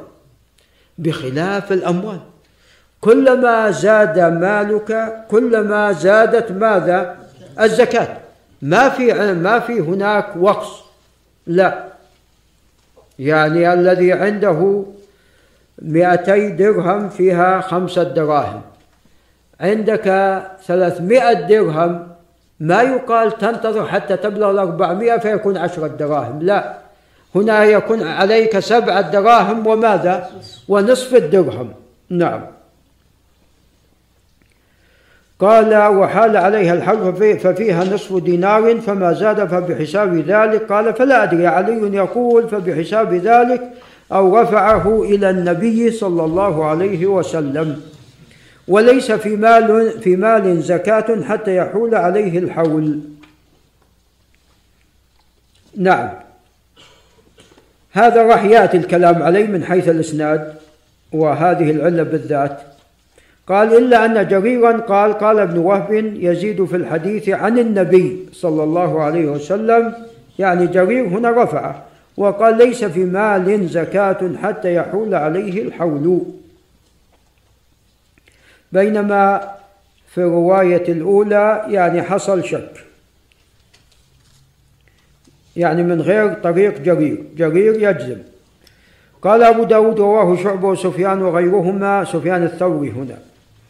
عن أبي إسحاق عن عاصم عن علي ولم يرفعه الراجح الوقف. بينما عاص بينما الحارث هو الذي ماذا؟ هو الذي رفعه. قال وعاصم وثقه أحمد بن معين وابن المدينة والعجل وغيرهم وتكلم فيه السعدي الجوزجاني. والجوزجاني يعني متحامل عنده بعض تحامل على أهل الكوفة وعاصم كوفي وابن حبان. تكلم في عاصم من ضمرة. قال وابن عدي والبيهقي وغيرهم. وقال النسائي ليس به بأس. نعم لعل يعني الأصل حسن الحديث. وقال الثوري كنا نعرف فضل حديث عاصم على حديث الأعور أي حديث الحارث الأعور نعم فالراجح أن هذا موقوف. ولكن له حكم ماذا؟ حكم الرفع. والأمة اتفقت أن في عشرين دينارا نصف دينار. وأن في أربعين دينارا دينار واحد. أربعين دينارا من الذهب. قال باب زكاة المعشرات. نعم أي التي يؤخذ منها العشر. قال وهي طبعا الثمار الزروع والثمار. قال عن جابر بن عبد الله رضي الله رضي الله عنهما عن رسول الله صلى الله عليه وسلم. أنه قال ليس فيما دون خمس أواق من الورق من الورق. صدقة. وقد تقدم لنا هذا. إن كان عند التسعة وتسعين ومئة هل درهم؟ هل فيها صدقة؟ ما فيها إلا أن يشاء ربها قال وليس فيما دون خمس ذود من الإبل صدقة. ليس فيما دون خمس يعني أربع. إلا أن يشاء ربها. والذود يقولون لا واحد له. قال وليس فيما دون خمسة أوسق من التمر صدقة. لابد زكاة الثمار لابد أن تبلغ خمسة أوسق أي ثلاثمائة صاع. فهذا النصاب. فإذا بلغ ثلاثمائة صاع فما زاد؟ فهنا تكون الزكاة ماذا؟ واجبة. تكون الزكاة هنا واجبة. دون خمسة أوسق لا تجب الزكاة. قال وفي لفظ له من حديث أبي سعيد الخدري ليس فيما دون خمسة أوساق من تمر ولا حب صدقة. نعم. قال وفي لفظ له بدل التمر ثمر بالثاء المثلثة. نعم. وهذا يستفاد منه أن صدقة الثمار لا تكون إلا في التمر والزبيب وماذا؟ والحب. والحب من البر ومن الشعير ومن الأرز. نعم. قال وعن سالم بن عبد الله بن عمر عن أبيه رضي الله عنه عن النبي صلى الله عليه وسلم فيما سقت السماء والعيون أو كان عثريا العشر. سقت السماء أي المطر أو العيون. عيون جارية. نعم. أو كان عثريا. طبعا العيون الجارية يدخل فيها الأنهار من باب أولى. أو كان عثريا أي يعثر على الماء بماذا؟ بعروقه. هذا فيه العشر لأن الكلفة فيه قليلة. نعم. فناسب زيادة مقدار الزكاة. وما سقي وفيما سقي بالنضح نصف العشر إذا كان يسقى بالنضح والمكائن نعم. فهذا يكون فيه نصف العشر وما كان بالقسم الأول فهذا فيه العشر كاملا. قال ولأبي داود فيما سقت السماء والأنهار والعيون أو كان بعلا العشر. بعلا أي عثر.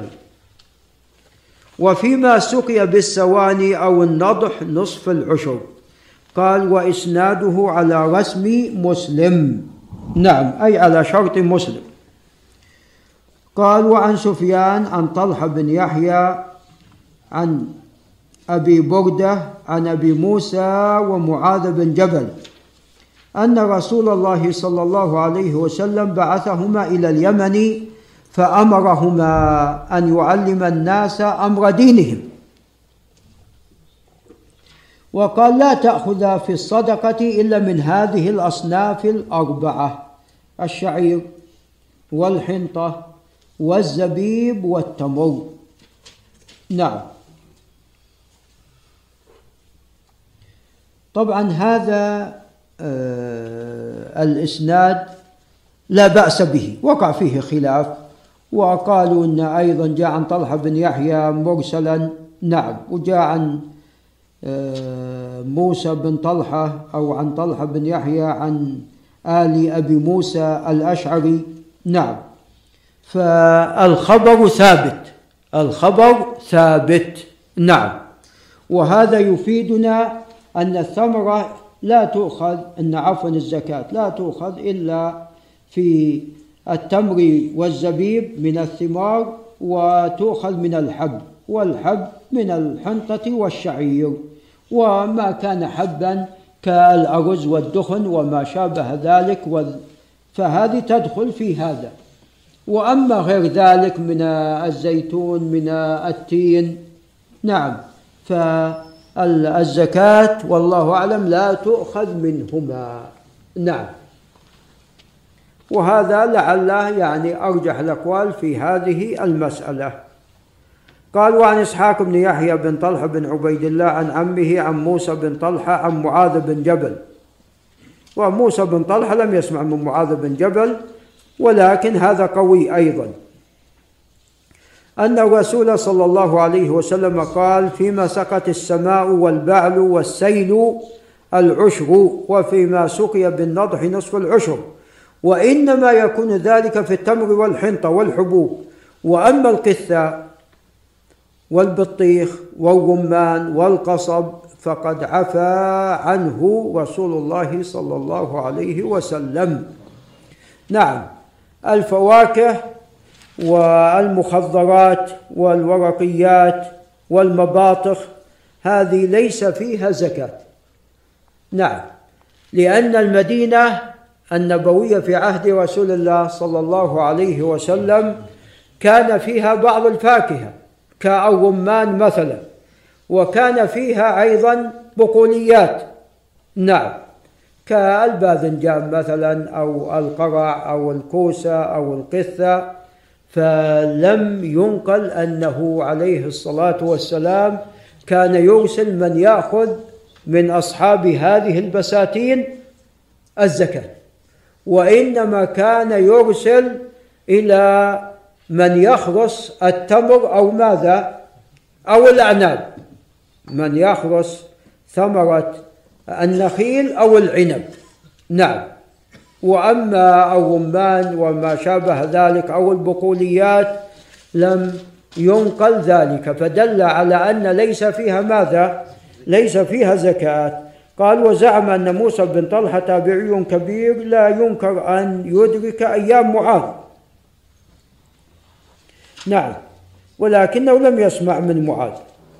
قال وأما إسحاق بن يحيى فقد تركه أحمد والنسائي وغيرهما. قال وقال أبو زرع موسى بن طلحة بن عبيد الله عن عمر مرسلا ومعاذ توفي في خلافة عمر إذا لم يسمع من معاذ من باب أولى. فرواية موسى عنه أولى بالإرسال. وقد قيل أن موسى ولد في عهد النبي صلى الله عليه وسلم وسماه ولم يثبت. وقيل إنه صاحب عثمان مدة. والمشهور في هذا ما رواه الثوري عن عمرو بن عثمان عن موسى بن طلحة قال عندنا كتاب معاذ. وهذا قوي في الاحتجاج ولا لا؟ قوي. عندنا كتاب معاذ عن النبي صلى الله عليه وسلم إنه إنما أخذ الصدقة من الحنطة والشعير والزبيب والتمر ولم يأخذها يعني من غير ماذا؟ من غير هذه الأشياء يعني من الحب والثمار أي الزبيب والتمر. قال وعن عبد الرحمن بن مسعود قال جاء سهل بن أبي حثمة إلى مجلسنا قال أمرنا رسول الله صلى الله عليه وسلم قال إذا خرجتم فخذوا ودعوا الثلث فإن لم تدعوا الثلث فدعوا الربع. نعم. يعني هذه النخلة تقدر أنها تخرج كذا من الثمرة. فيترك لهم ماذا؟ الثلث لا يدخل في الزكاة. يترك لهم الثلث لا يحسب في ماذا؟ في الزكاة. إذا لم تدعوا الثلث فدعوا ماذا؟ فدعوا ربع وخذوا من ثلاثة أرباع الزكاة. نعم. وهذا الذي يترك يعني لاستعمالهم. نعم. أو يهدون منه فهذا يترك عفو. هذا يترك عفو. قال رواه أحمد وأبو داود والترمذي والنسائي وأبو حاتم البستي والحاكم وقال هذا حديث صحيح الإسناد.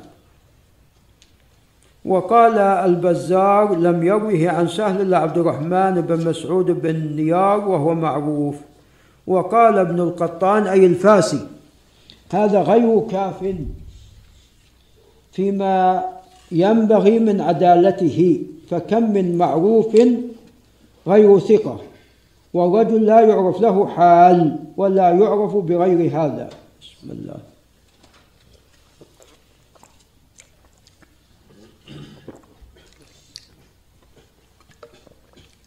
نعم. قال ابن عبد الهادي وفي كذا قال وفيه نظر. فإنه من رواية عبد الرحمن بن مسعود بن نيار عن سهل ووثقه ابن حبان. نعم. وعندي أن هذا الخبر كما قال بن عبد الهادي أنه لا بأس به أنه لا بأس به. قال أبو عيسى الترمذي والعمل على حديث سهل. عند أكثر أهل العلم في الخرس وبحديث سهل يقول أحمد وإسحاق. وصحح الحديث أيضا ابن خزيمة. قال الحاكم وله شاهد بإسناد متفق على صحته أن عمر بن الخطاب أمر به. نعم.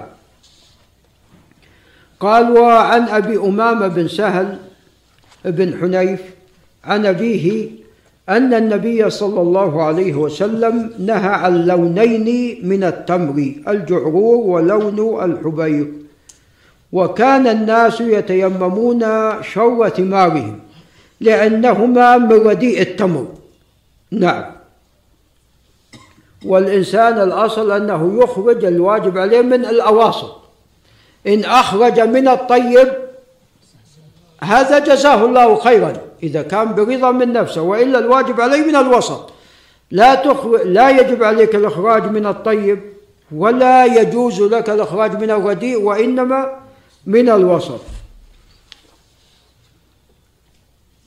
قال فيخرجونها في صدقاتهم فنزلت ولا تيمموا الخبيث منه تنفقون. رواه أبو داود والطبراني وهذا لفظه.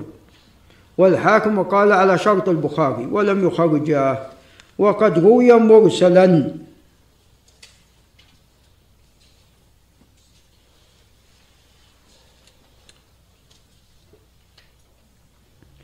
ووصله قوي. نعم وصله قوي. وطبعا يعني قد رواه مسلم بن إبراهيم ومحمد بن كثير فجعلاه عن سليمان بن كثير عن الزهري عن أبي أمامة بن سهل ولم يقول عن أبيه. وأبو أمامة تابعي كبير إن لم يكن طبعا ذكر انه ولد في عهد رسول الله صلى الله عليه وسلم. فبالتالي الاحتجاج به ماذا؟ قوي. الاحتجاج به حتى على الرواية الأخرى قوي مع أن الذي وصل وهو أبو الوليد الطيالسي فهو ثقة ثبت. وأيضا وقع في رواية سفيان بن حسين الوصل. قال وقد روي مرسلا قال الدارقطني وهو الأولى بالصواب. فحتى إذا قلنا بالإرسال فهو قوي. ولعلك تراجع أبو عبد الرحمن. نعم. إحنا ما رجعناه في البلوغ. قال نعم. قال وعن سليمان بن موسى وهو الدمشقي فقيه ولكن ليس بالقوي في الضبط. قال عن أبي سيار المتعي. قال قلت يا رسول الله إن لي نخلة. قال أدي إن لي نخلا ولا نحلا؟ نحلا. نعم. إن لي نحلا. لا لا تصوب. نحلا.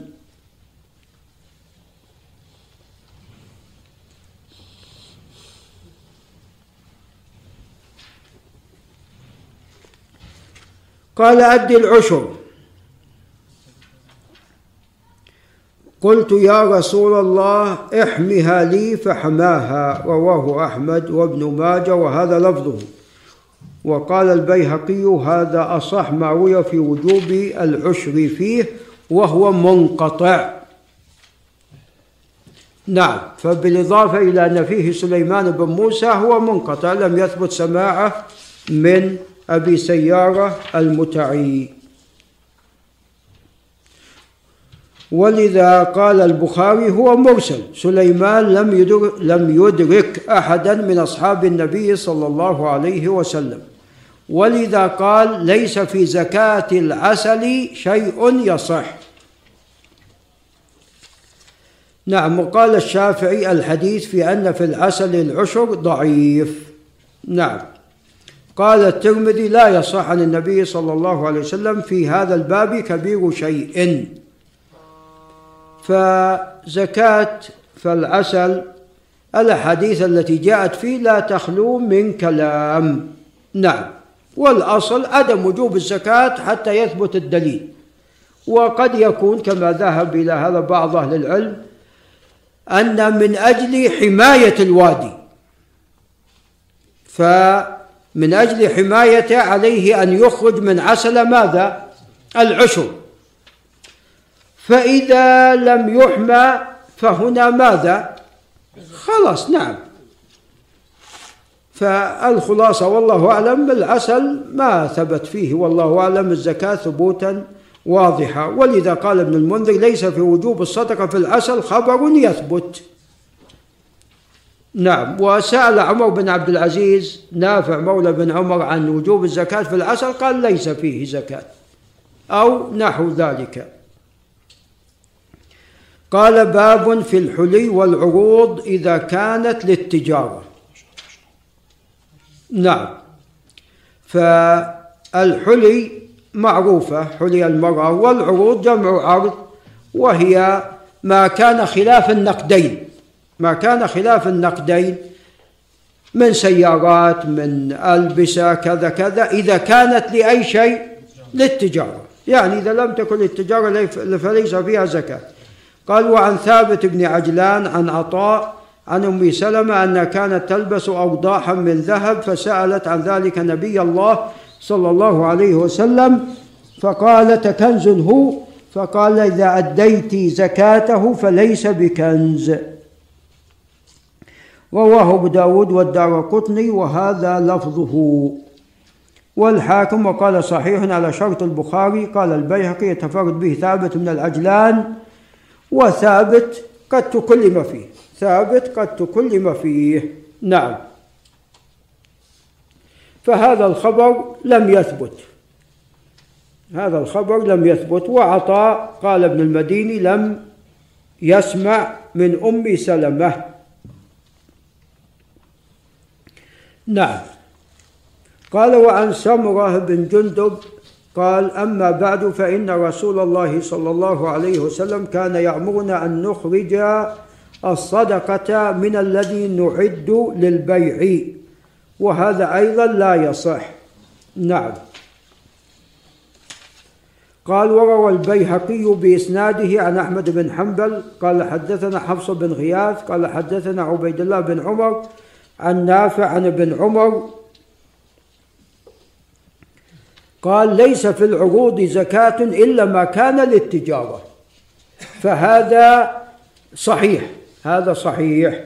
وقد صححه ابن حجر. نعم. فنقل عن عن الصحابة أو بعض الصحابة بل نقل إجماع الإجماع على وجوب الزكاة في العروض إذا كانت معدة للتجارة. نعم. قال باب, قال باب زكاة المعدن والركاز. قال عن أبي هريرة رضي الله عنه أن رسول الله صلى الله عليه وسلم قال العجماء جرحها جبار. جرحها جبار أي هدر. نعم. والبئر جبار أي أيضا هدر. من حفر بئرا ولم يجعلها في طريق الناس وجاء واحد سقط فإن دية دية هذا الرجل لا تلزم صاحب البير قال والمعدن أيضا جبار أيضا هدر نعم. والمعدن إذا حفر ثم يعني وقع هذا المعدن على الذين استأجرتهم في حفره فإنه يكون هدر نعم. ليس فيهم الدية. قال وفي الركاز الخمس. الركاز هو دفن الجاهلية. على قول الجمهور والله أعلم هو الأقرب. نعم. فالواجب فيه الخمس. هذا هو الواجب. قال وعن ربيعة بن أبي عبد الرحمن وهو المعروف بربيعة الرأي عن الحارث بن بلال بن الحارث عن أبيه رضي الله عنه أن الرسول صلى الله عليه وسلم أخذ من معادن القبلية الصدقة وأنه أقطع بلال بن الحارث العقيق العقيق أجمع. فلما كان عمر بن الخطاب قال لبلال إن رسول الله صلى الله عليه وسلم لم يقطعك إلا لتعمل. قال فأقطع عمر بن الخطاب للناس العقيق لأنه لم يعمل فأخذها منه. رواه البيهقي وشيخه الحاكم من حديث نعيم بن حماد عن الدراوردي عن ربيعة. قال الحاكم احتج البخاري بنعيم ومسلم بالدراوردي وهذا حديث صحيح ولم يخرجاه كذا قال. وهذا الإسناد لا يصح. قال والمشهور ما رواه مالك عن ربيعة عن غير واحد من علمائهم يعني ليس بمتصل. أن النبي صلى الله عليه وسلم أقطع لبلال بن الحارث المزني معادن القبلية فتلك المعادن لا يؤخذ منها إلا الزكاة إلى اليوم. قال الشافعي ليس هذا مما يثبت أهل الحديث ولو ثبتوه لم يكن فيه رواية عن النبي صلى الله عليه وسلم. إلا إقطاعه. فأما الزكاة في المعادن دون الخمس فليست مروية عن النبي صلى الله عليه وسلم فيه. نعم.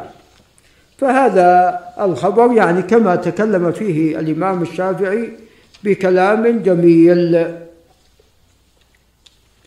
قال ابن عبد الهادي في التنقيح ونعيم والدراوردي لهما ما ينكر والحارث لا يعرف حاله.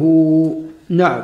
شيخ ربيعة وقد تكلم الإمام أحمد في حديث رواه الدراوردي رواه الدراوردي عن ربيعة عن الحارث. قال باب صدقة الفطر. قال وعن ابن عمر رضي الله عنهما فرض رسول الله صلى الله عليه وسلم زكاة الفطر صاعا من تمر أو صاعا من شعير. على العبد والحر والذكر والأنثى والصغير والكبير من المسلمين. نعم. فصدقة الفطر على الكبير وعلى الصغير وعلى الذكر وعلى الأنثى بشرط أن يكونوا من المسلمين. نعم. صاع من طعام. قال وأمر بها أن تؤدى قبل خروج الناس إلى الصلاة. نعم. وأما بعد الصلاة فهي صدقة من الصدقات. قال متفق عليه. قال فعدل الناس به نصف صاع من بر الصواب أن الواجب حتى في البر ماذا؟ صاع. نعم. قال وعن أبي سعيد الخدري رضي الله عنه قال كنا نعطيها في زمان النبي صلى الله عليه وسلم صاعا من طعام أو صاعا من تمر أو من شعير أو من زبيب فلما جاء معاوية وجاءت السمراء قال أرى مدا من هذا يعدل مدين متفق عليه. نعم وهذا اجتهاد من معاوية رضي الله عنه ولا شك أن الواجب اتباع السنة فالصواب صار قال أبو داود حدثنا حامد بن يحيى وليس في الكتب الستة سوى حامد بن يحيى حامد بن يحيى هذا وحامد آخر وكلاهما ثقة. قال حدثنا سفيان بن عيينة قال حدثنا قال وحدثنا مسدد حدثنا يحيى كلاهما عن ابن عجلان. ترى مكتوب حدثنا مسدد لا حاء وحدثنا مسدد أو وحدثنا مسدد. حدثنا يحيى أي القطان كلاهما عن ابن عجلان أي سفيان بن عيينة ويحيى القطان. وابن عجلان هو محمد بن عجلان وهو صدوق له أوهام قال سمع عياضا قال سمعت رسول الله صلى الله عليه وسلم وعياض ثقة سمعت أبا سعيد الخدري. نعم يقول لا أخرج أبدا إلا صاعا. إنا كنا نخرج على عهد رسول الله صلى الله عليه وسلم صاعا. أو صاع تمر أو شعير أو أقط أو زبيب. هذا حديث يحيى. زاد بن عيينة فيه أو صاعا من دقيق وهذا قد أنكر على بن عيينة. نعم أخطأ فيه ابن عيينة. ولذا قال حامد تلميذه فأنكروا عليه فتركه سفيان.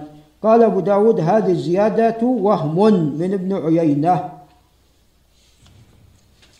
نعم فهي خطأ.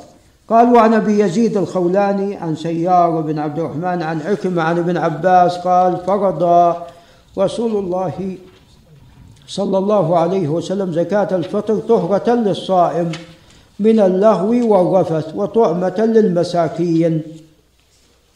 إذا الحكمة فيها تطهير للصائم من النقص الذي وقع في صيامه وأيضا طعمة للمساكين. من أداها قبل الصلاة فهي زكاة مقبولة ومن أداها بعد الصلاة فهي صدقة من باقي الصدقات. نعم. فهي لا تكون زكاة فطر وإنما تكون صدقة من الصدقات. وطبعا من فاتته يجب عليه أن يقضيها. قال رواه أبو داود بن ماجه والحاكم وقال صحيح على شرط البخاري. قال وليس كما قال فإن سيارا وأبا يزيد لم يخرج لهما الشيخان. وأبو يزيد الخولاني وهو الصغير قال فيه مروان بن محمد الطاطري شيخ صدق وسيار قال ابو زرع لا بأس به نعم.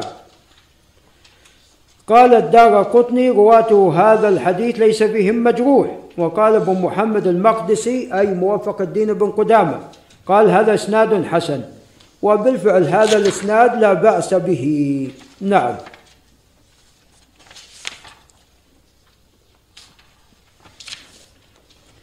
قال باب قسم الصدقات. قال وعن عطاء بن يسار عن أبي سعيد الخدري قال قال رسول الله صلى الله عليه وسلم لا تحل الصدقة لغني إلا لخمسة. الأصل الصدقة ليست للأغنياء بل لا يجوز الأغنياء لكن يستثنى منهم خمسة. العامل عليها فالعامل حتى لو كان غنيا يعطى من ماذا؟ يعطى منها. كما قال الله عز وجل أو رجل اشتراها بماله. هذه الصدقة نعم بعد أن أخذت في حقها بيعت حتى يعني تدخل في بيت مال المسلمين ف... واشتراها رجل غني فلا بأس. أو غارم واحد تحمل غرامة من أجل الإصلاح بين الناس أيضا يعطى. أو غاز في سبيل الله. يعطى حتى ولو كان غنيا. أو مسكين تصدق عليه منها فأهدى منها لغني. فلا بأس. هي عليها صدقة ولنا ماذا؟ هدية. قال رواه الإمام أحمد وهذا لفظه وأبو داود بن ماجه والحاكم وقال على شرطهما وقد روي مرسلا وهو الصحيح. الصحيح أن هذا الخبر لا يصح. كما قال الدار قطني قال مرسل قال وقال البزار رواه غير واحد عن زيد عن عطاء بن يسار مرسلا وأسنده عبد الرزاق عن معمر والثوري. نعم. قال وإذا حدث بالحديث ثقة فأسنده كان عندي الصواب وعبد الرزاق عندي ثقة. نعم. رحمك الله. لكن قد قال غير واحد قد رواه ماذا؟ مرسلا. فالصواب الإرسال. صحيح المعنى شيخنا؟ المعنى صحيح. نعم لكن الصواب أنه مرسل. كما رواه الإمام مالك وأيضا ابن عيينة وإسماعيل بن أمية.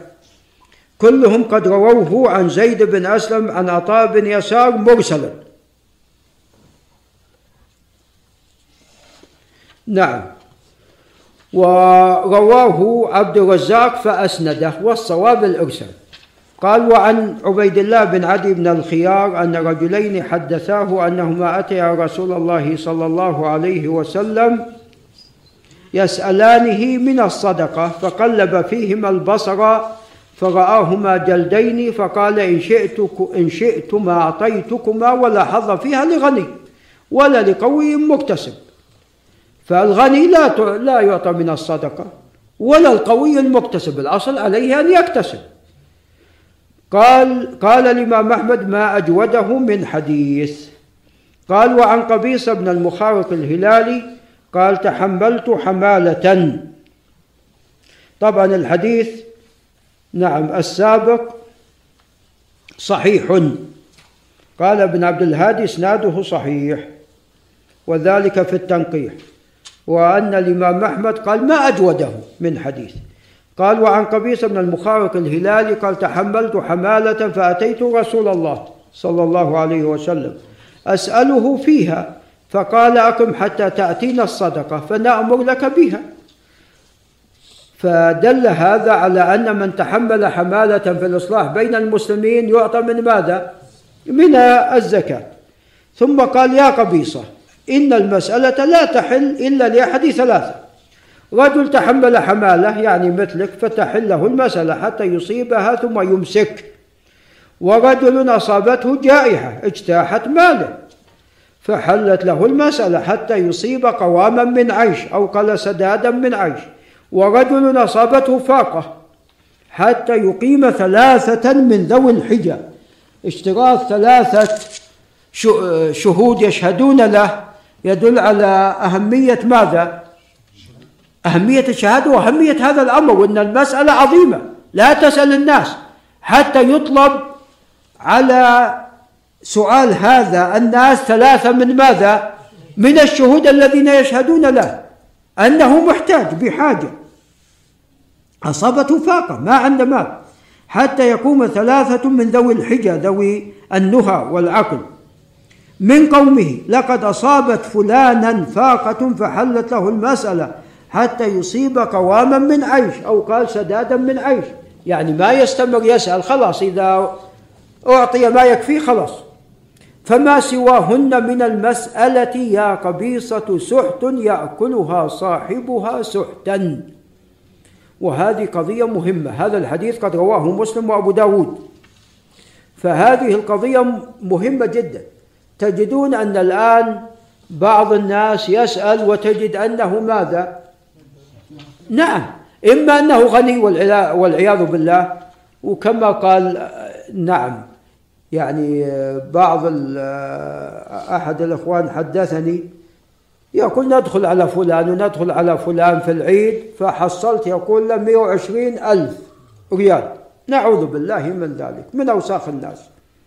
نعم.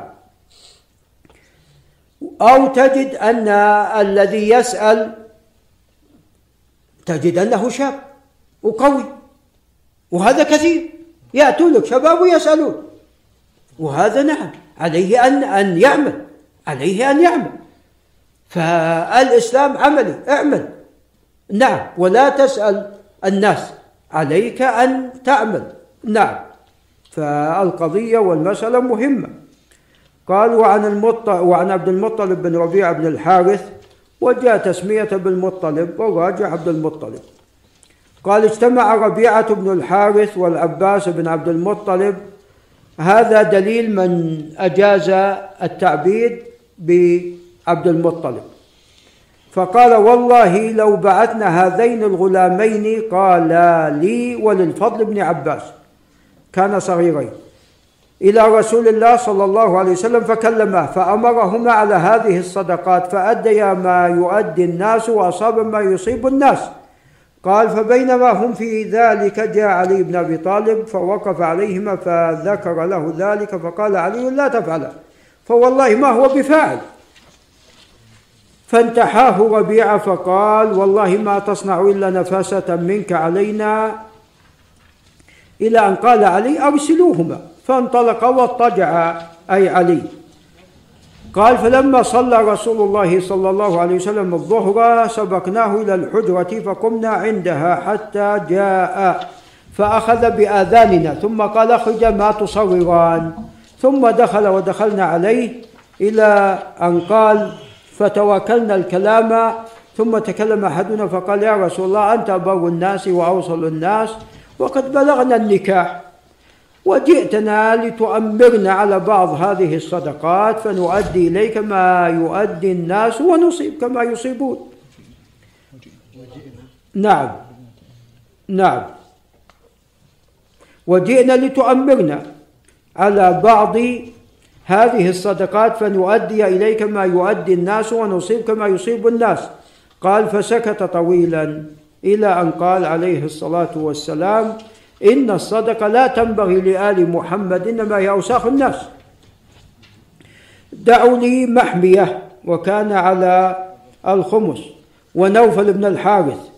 فجاءه فقال لمحمية أنكح هذا الغلام ابنتك للفضل بن العباس. فأنكحه وقال لنوفل بن الحارث أنكح هذا الغلام ابنتك لي فأنكحني. وقال لمحمية أصدق عنهما من الخمس كذا وكذا. لأنهما كانا من بني هاشم. فلهما نصيب في ماذا؟ في الخمس. وإذا لم يكونا إذا جاء شخصان أو أكثر ليس من بني هاشم وليس عندهم قدرة على الزواج دفع المهر والتكاليف يعطيان من بيت ماذا؟ من بيت المال. يعطيان من بيت مال المسلمين. بدل لا يسألون الناس أو كما يحصل الآن. بعض الناس إذا جاء يتزوج يعني يضطر إلى أن يسأل ماذا؟ يسأل الناس. نعم. قال ورواه مسلم. قال وعن جبير بن مطعم قال مشيت أنا وعثمان بن عفان إلى النبي صلى الله عليه وسلم. فقلنا يا رسول الله أعطيت بني المطلب. نعم.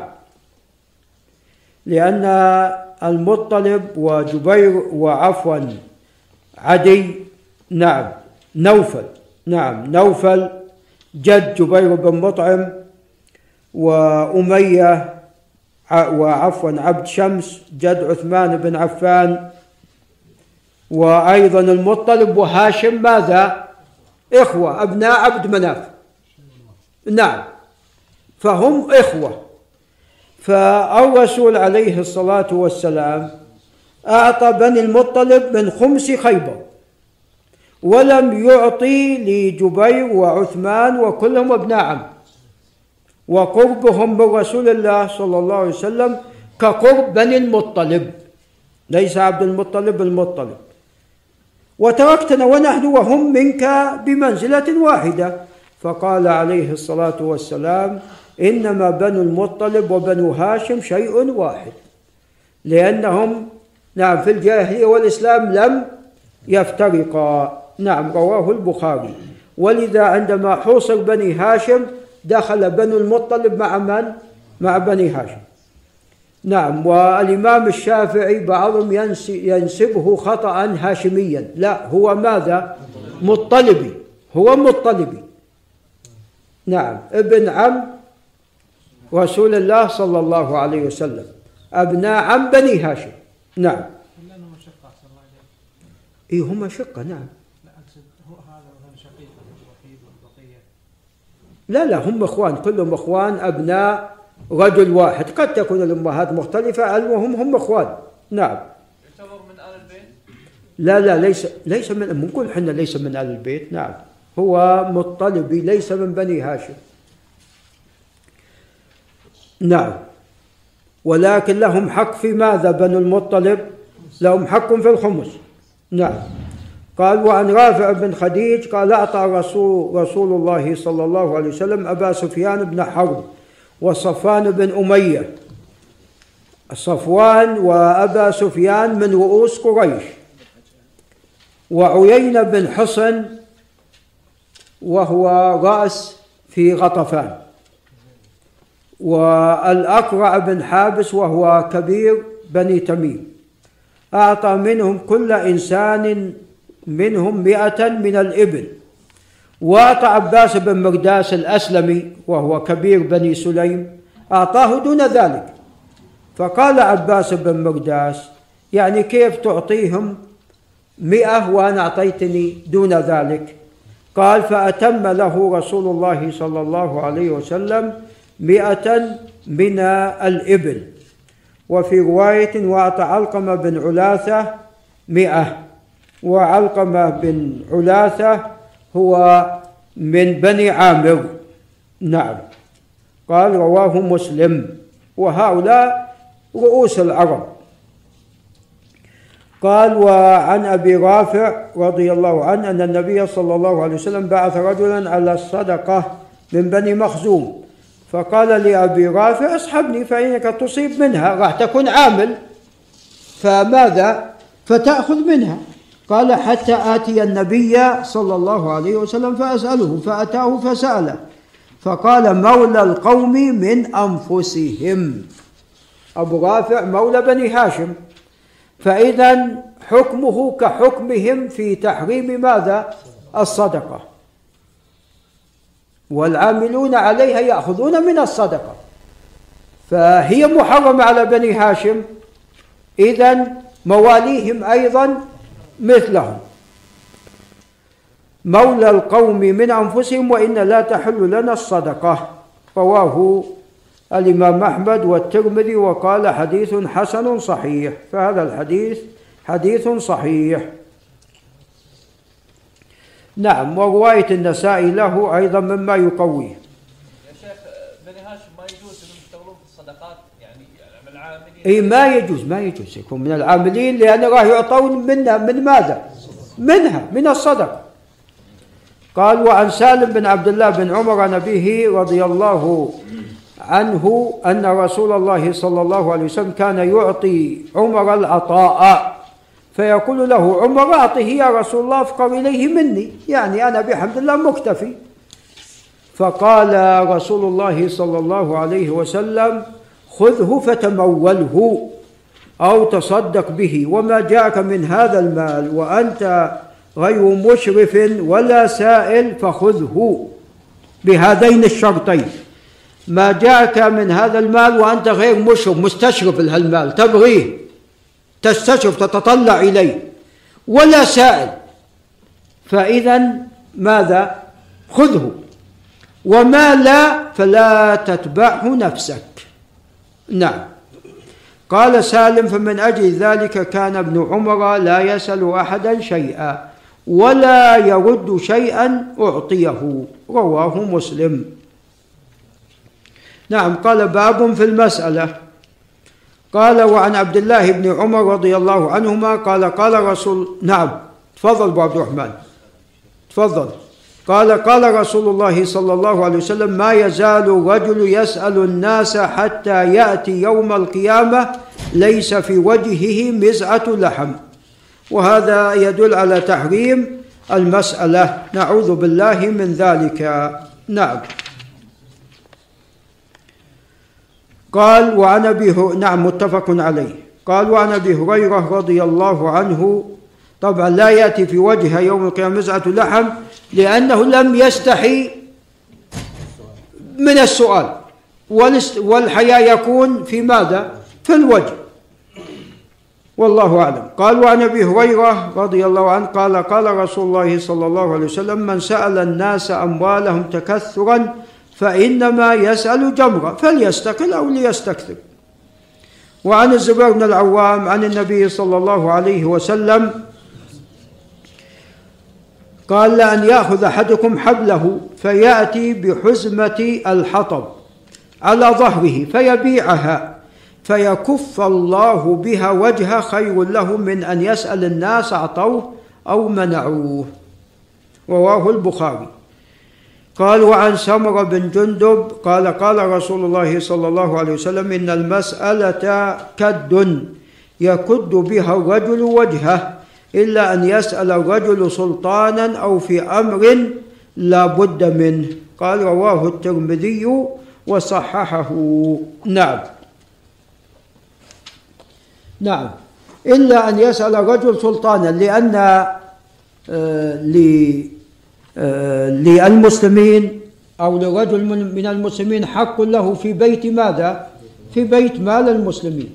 أو في أمر لا بد منه فيه ضرورة. نعم. صاحب شركة؟ لا لا. لا والله أعلم لأن صاحب الشركة ليس هو السلطان. نعم. قال وعن ابن الفراسي أن الفراسي قال لرسول الله صلى الله عليه وسلم أسأل فقال النبي صلى الله عليه وسلم إن كنت لابد سائلا فاسأل الصالحين رواه أحمد وأبو داود والنسائي.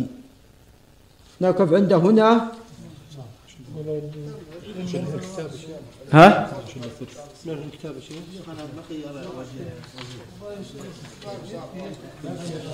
والله نق- نقف عند هنا لأن أبو فيصل هو بما أنه قرأ حصته خلص أي نعم.